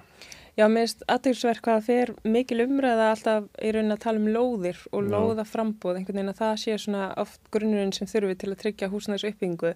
En eins og við komum fram á uh, sást í umræðanum og þá náttúrulega eru við með fyllt af íbúðum sem eru tómar sem enginn er í og það eru þessi eignasöfnin og svo eru kannski verktakar komni með lóð og eru ekki byrjar að byggja. Þannig að mér finnst aldrei að við þurfum að vera með miklu félagslegri áherslu. Og það er náttúrulega það sem við erum að leggja áherslu á borgarfjöldra og sósélista að við bara að borgind aldrei stýi inn í að þetta verði gert á félagslegum fórsöndum að því að við erum alltaf að býða sko eftir verktökum að þeir fara einhvern veginn að drífa sig að byggja lóðunum. Þá náttúrulega fáum við ekkert húsnæði og við fáum ekki félagslegt húsnæði. Og hérna mér finnst aðteklisverst við vorum að mynda að tala sko um bygglistana hjá Já. félagsbústöðum og það eru samtals ef við tökum bara alla bygglistana saman 1044 manneskjur Mhm. að býða Mhm. og þannig er þú veist almennt félagslegt leiguhúsnæði þar sem er bara mjög erfitt að komast inn á listan til þess að byrja með þar eru rúmlega 700 manns að býða og svo eru aðrir bygglistar sem er þá þjónustýpuður aldraðara uh, húsnæði sem að hendar fötliðum og svona hérna húsnæði sem að hendar heimilslösum um, þannig að mér finnst svona daldi áherslan einhvern veginn á lóðir um, ekki vera beint þú veist helsti vandin. Mér finnst Nei. það meira bara hvernig við erum að byggja upp og við höfum ekki verið að byggja upp þannig að húsnæði sé mannréttindi heldur er þetta bara daldið eins og hver önnur vara á markaði sem eigi bara að fara á eins háu verði og hægt sé. já. einmitt, það, sko, væntingan, það, það er einhvern veginn, mæl, eini mælikværi sem er settur upp eða hversu margar íbúður er byggðar og við sjáum í þessu samkómulagi á milli ríkis og sveitar, eða milli ríkis og borgarinnar, að það er talað um að það verði byggðar með 2000 íbúður ári næstu fimm árin og þá einhvern veginn býður fólk bara eftir að það reddi málunum, markaður muni gera það, um, svo standast þær áallanir, lítur allt fyrir út fyrir það að þær standist ekki, þannig að Það, mér, mér finnst þetta svolítið verið að sína sig aftur að við getum einhvern veginn ekki verið að treysta á þetta einhvern veginn mm -hmm. aftur og aftur að markaðurinn komi og leysi þetta því að hann hefur ekki verið að gera það og hann er ekki að gera það heldur eins og staðin núna þannig af hverju er þá alltaf verið að setja samninguna þannig upp einhvern veginn, já nú ætlum við að setja okkur markmiðum að markaðurinn muni halda áfram að redda málunum og gera það bara ennþá betur en svo stendst það ekki, þú veist, hversu lengi ætla fólk að halda þessu áfram. Emmett, og ég er algjörlega sammála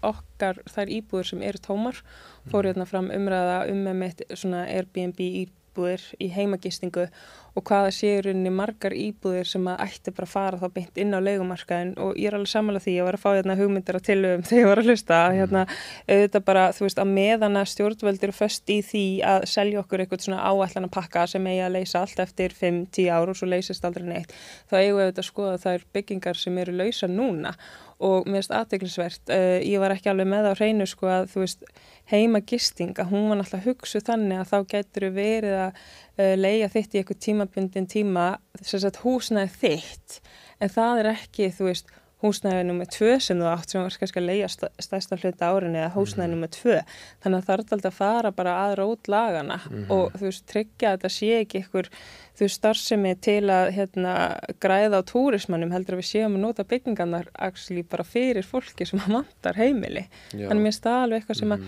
við hefum að geta sko gert og það er auðvitað svona skipting þú veist ríki sér um sumt varandi húsnæðismál og borgin um annað en ég bara trúi því að við getum haft mikil áhrif þú veist við erum í borgarstjórn og mm. við eigum að geta sagt bara herðu það eru hérna íbúðir sem við erum að nota bara fyrir þú veist túrista að meðan það er annað fólk sem er heimilsleis við þurfum bara mhm. aðeins að sita pás á túrismann mm -hmm. og fókusa á að þú veist þeim sem sárlega vanti húsnaði fái það að það sé þú veist grunnurinn hjá okkur og ég meina ef þetta er ekki eitthvað borgarstjórn að sita reglugerðir um þetta þá ættum við að geta samt sett út mm -hmm. þau skilabóð Já. um bara hvernig við viljum þessi mál þróist og það ætti að hafa alveg mikið að segja um hlutina myndi ég að segja sko Já sem þú meiri þrýstingur settur á lögjafan sem að getur breytt á þessu en þanga til að það gerist, hvað, hérna, hvað gæti þá borgin gert, þá var náttúrulega að tala um það að hún myndi, gæti bara byggt sjálf, hún er með fullt af lóðum, uh, hvað svona getur við gert þanga til til þess að bæta mhm. stöðuna, það er það, er það fjölga félagslegu húsnæði?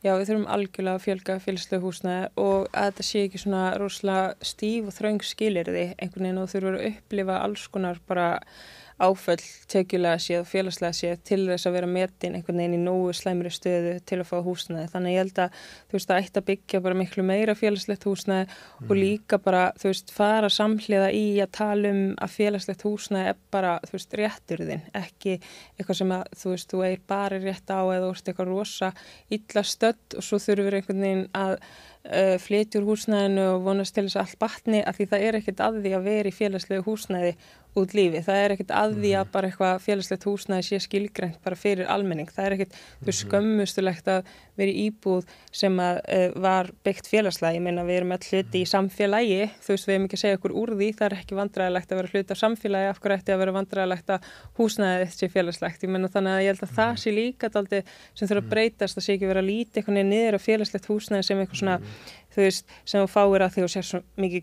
á mm -hmm. hann ég held að emitt og líka svona eigða því taldi bara hvað bygglistar er einhvern veginn taldi bara eitthvað svona eðlilegir að það sé bara eðlilegt þessu bygglistar Fólk hefur sagt það úr meira luta Já, þú veist. Það er eðlilegt að sé alltaf eitthvað fólk á bygglista við tökum náttúrulega bara ekki undir það. Nei og líka bara þú veist það eru öðru sem verður að bygglista í þú veist nokkra daga á meðan það verður að finna húsnæði í þínu hverfið sem henda þér en ekki á sérstæðan bara eitthvað að býða í kvíða í tvö ár af hverju hugsaðu ekki líka um húsnæði bara eins og heilbreyðismálinn, þú veist, ef að það væri bara eitthvað svona, verður með heilbreyðiskerfi og það væri bara 5% af uh, hjúk, eh, hérna, heilsugjæslum það að vera félagslega regið, mm -hmm. þú veist, það verður sett eitthvað svona viðmið um það, af hverju er ekki bara allt, Emmeit. þú veist, bara af hverju, af hverju þórum við ekki að hugsa, við þórum með því, en af hverju þórum ekki fleira að hugsa bara, þú veist, við þurfum að byggja upp, við, þú veist, við þurfum bara að hugsa þetta eins og við gerum önnur grunnkerfi, að þetta sé almennt, þetta sé fyrir alla, af hverju, af hverju, þú veist, af hverju svona mikil jáðarsetning sem fylgir því að bara stopna og, og vilja berjast fyrir hérna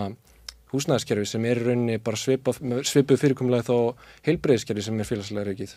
Það er bara að markasvæða allt og við búum í þessum ofur sjúka neoliberalíska heimi þar sem allt er bara einhvern veginn, þú veist, mm. þú sem einstaklingur átt bara að standaði vel og berð bara ábyrðað öllu þar með talið að þú veist kaupa húsnæði sem er mm. það búið að sitja á hann frjálsa markað í gæsaleppum sem er ekkert frjáls, því það er ekkert frelsa að þurfa að kaupa íbúð á þeim verðum sem við erum að sjá núna í dag.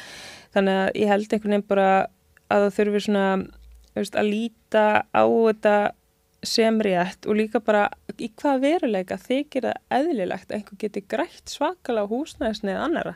Þú veist, af hverju erum við ekki bara að taka hagnaða sjónamiðin algjörlega út fyrir kassan? Af hverju er það bara eðlilegt að einhverja geta grætt á því að byggja upp húsnæði fyrir einhvern annan? Mm -hmm. Þá bara ekki að vera eðlilegt. Ég held að Já. það sé grunnvandin mm -hmm. og svo líka kannski emitt, þú veist, að því að eins og kom fram í umræðanum að þá er borgin rosalega mikið að trista á verktaka uh, hvernig þeir stýra uppbyggingu og spurning hvort það ætti ekki að vera bara meiri samvinna með verkalýsfélagin mm -hmm. og fara þetta aldrei að mitt, þú veist aftur í það að útluta lóðum til bara byggingar samvinnufélag og þessi samvinnu hugssjón, þú veist að ja. það er náttúrulega að vera áherslan en ekki einhver geti fengið þarna Uh, eitthvað svona góð tækifæri til að græða. Hvað varst þér um gaggrinni á Bjarnar hann, hann er svona tví svona, já, hann er ekki alveg viss hvað, hvað hann finnst um að borgin byggja því hann er hrættur um ef að borgin myndi fara að byggja húsnæði þá kannski taka bara aðri stjórnmálumenn við eftir að hini stjórnmálumenn hafa ákveða að byggja upp og bara að skemma. Það uh, en á Norðurlöndunum þá er eitthvað nefn ekki þetta vantraust og það er svona meiri kannski konsensus þar um að þetta sé bara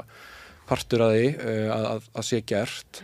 Um, hvað hva finnst þér það? Finnst þér Ísland vera öðruvísi að því leiti að, að getur við treyst stjórnmálfólki til að byggja? Nei, alls ekki. Og mér finnst þetta aðtilsverðu punktur að því ég haf aldrei pælt í því sko, þú veist að emmitt þó maður byggja upp eitthvað gott þá öllum líkindum munu stjórnmálinn mm. rífaða niður Sjáum hvað gerst, emmitt, bergánabústæðir til hvers þá að mhm. byggja alveg upp ef það er að fara að mhm. rifi niður hvort er þú veist, þú veist það er búið að vera að gerast en ég er bara svo ótrúlega jákvæð og björnsín og trúi því að við erum bara með þú veist framtíð að sína hvert við viljum stefna við segjum bara húsnæði félagslegt við hefum öll rétt að því mm. og, og vinnum þannig að það sé ekki bara orð á bladi heldur við séum bara alla dag að hugsa bara ok, hverjum vantar húsnæði hvernig útviðið þeim húsnæði mm. sem mhm. verður líka heimilegera þú veist það að vera áherslan þannig ég trúi að við byggjum upp eitthvað svona kerfi að þá þú veist getum við gert það er stert þannig að sé ekki að þetta ráðast á það mm -hmm. en þetta er alveg satt, þú veist, það er ekki að þetta treysta stjórnmálum en þú veist, verkamannabústaðkerfið lagt niður, 13.500 mm -hmm. íbúðir eins og Guðmundur hafsaði mm -hmm. um, þú veist, við sjáum að emmi, það er bara leyendur þurfa að standa að verðum réttindi sín, þannig við sjáum alveg við þurfum sko sama tíma að við erum að byggja upp eitthvað gott, þá þurfum við líka að standa verðina að því að réttindin, þau eru ekkert bara eitthvað að fara að vera með okkur að eilifu nema við stendum verðum þeim, því miður.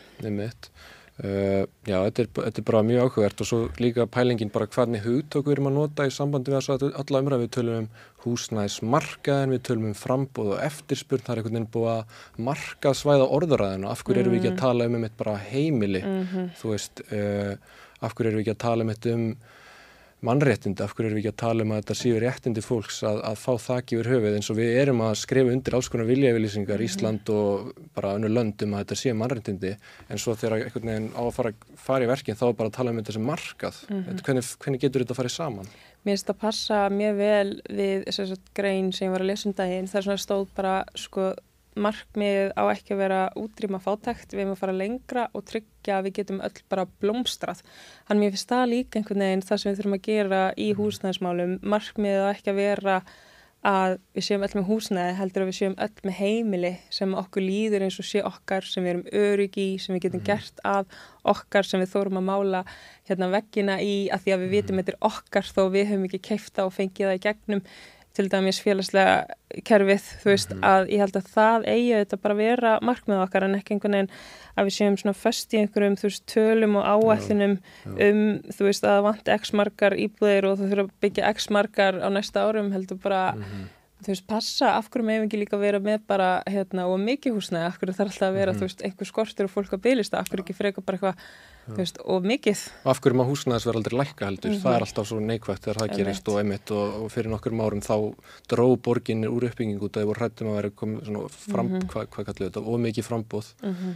Hvað, af hverju er það vandamál, af hverju er það Einmitt. vandamáli að íbúið verður lækkar, af hverju, Mhm. þú veist, af hverju má þetta alltaf fara bara upp? Af því þetta hefur verið skilgreint sem emitt veist, það eru sumir sem eiga bara rosa margar íbúður bara að því þau líta á það sem einhverja, þú veist, banka innistæðu eða innistæðu eða eitthvað svona fjármögnuleið, þannig að það er bara það sem við þurfum algjörlega að taka fyrir og, og hérna hefur verið talað um svona prósentu hlutfall, uh, hversu mikið ætti þá að vera félagslegt, ég meina ætti þetta ekki bara alltaf að vera almennt, svo getum við haft eitthvað smá fyrir þetta ofuríka fólk sem vil búa íbúðum með þrjá svalir, þú veist, hver vil þrjá svalir, hvað er að?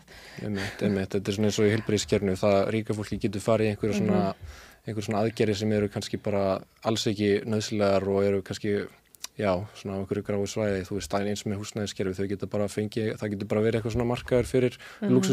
og þau geta verið þar inni að borga en að þann kom ekki nálagt uh, því að fólk þurfi að hafa heimil að halda.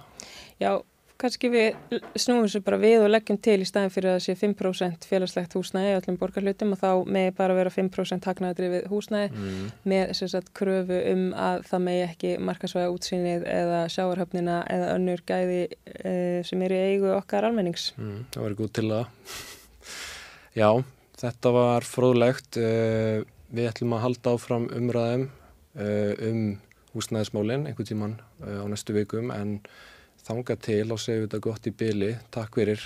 Já, húsnæðismálin eru náttúrulega eitthvað miklu, miklu meira en bara eitthvað sem við ræðum um og, og hlustum á umræður um. Þetta tengist náttúrulega lífi fólks og fjölskyldna að, að hér sé hægt að búa við húsnæðisöryggi og það hefur auðvitað verið mikil umræðumynda og sérstaklega út frá stöðu fátakra og láttökjuhópa og við viljum minna á að hérna á næstinni er vona á sagt, uh, skýrslu sem ÖPI hefur verið að vinna að út frá rannsókt sem að gerða á síðast ári og við býðum spennt eftir nýjastum þeirra skýrslu. En þó vitum við að það er sannlega ekki mjög hérna jákvægt allt sem kemur uh, fram þar. Þannig að það þarf auðvitað að ræða hlutina út frá stöðu þeirra versettu og við munum líka minna á þess að hérna, erindi sem að þroskahjálp er að fara að halda á næstinni sem er að haldið 21. oktober frá 1 til 16.30 og heitir að þak yfir höfuðið og þetta er málþing um húsnæðismál fatlas fólks þannig að við viljum minna á það hér. Það er hægt að finna þetta á Facebook uh, síðu þroska hjálpar. Þar má lesa allt um það og við munum að sjálfsögja halda umræðinni um húsnæðismálinn áfram bæði hér og innan borgarstjórnar. Takk fyrir að vera með okkur í dag. Segðu það á samstöðinni. Samstöðin er í eigu hlustenda, áhorfenda og lesenda.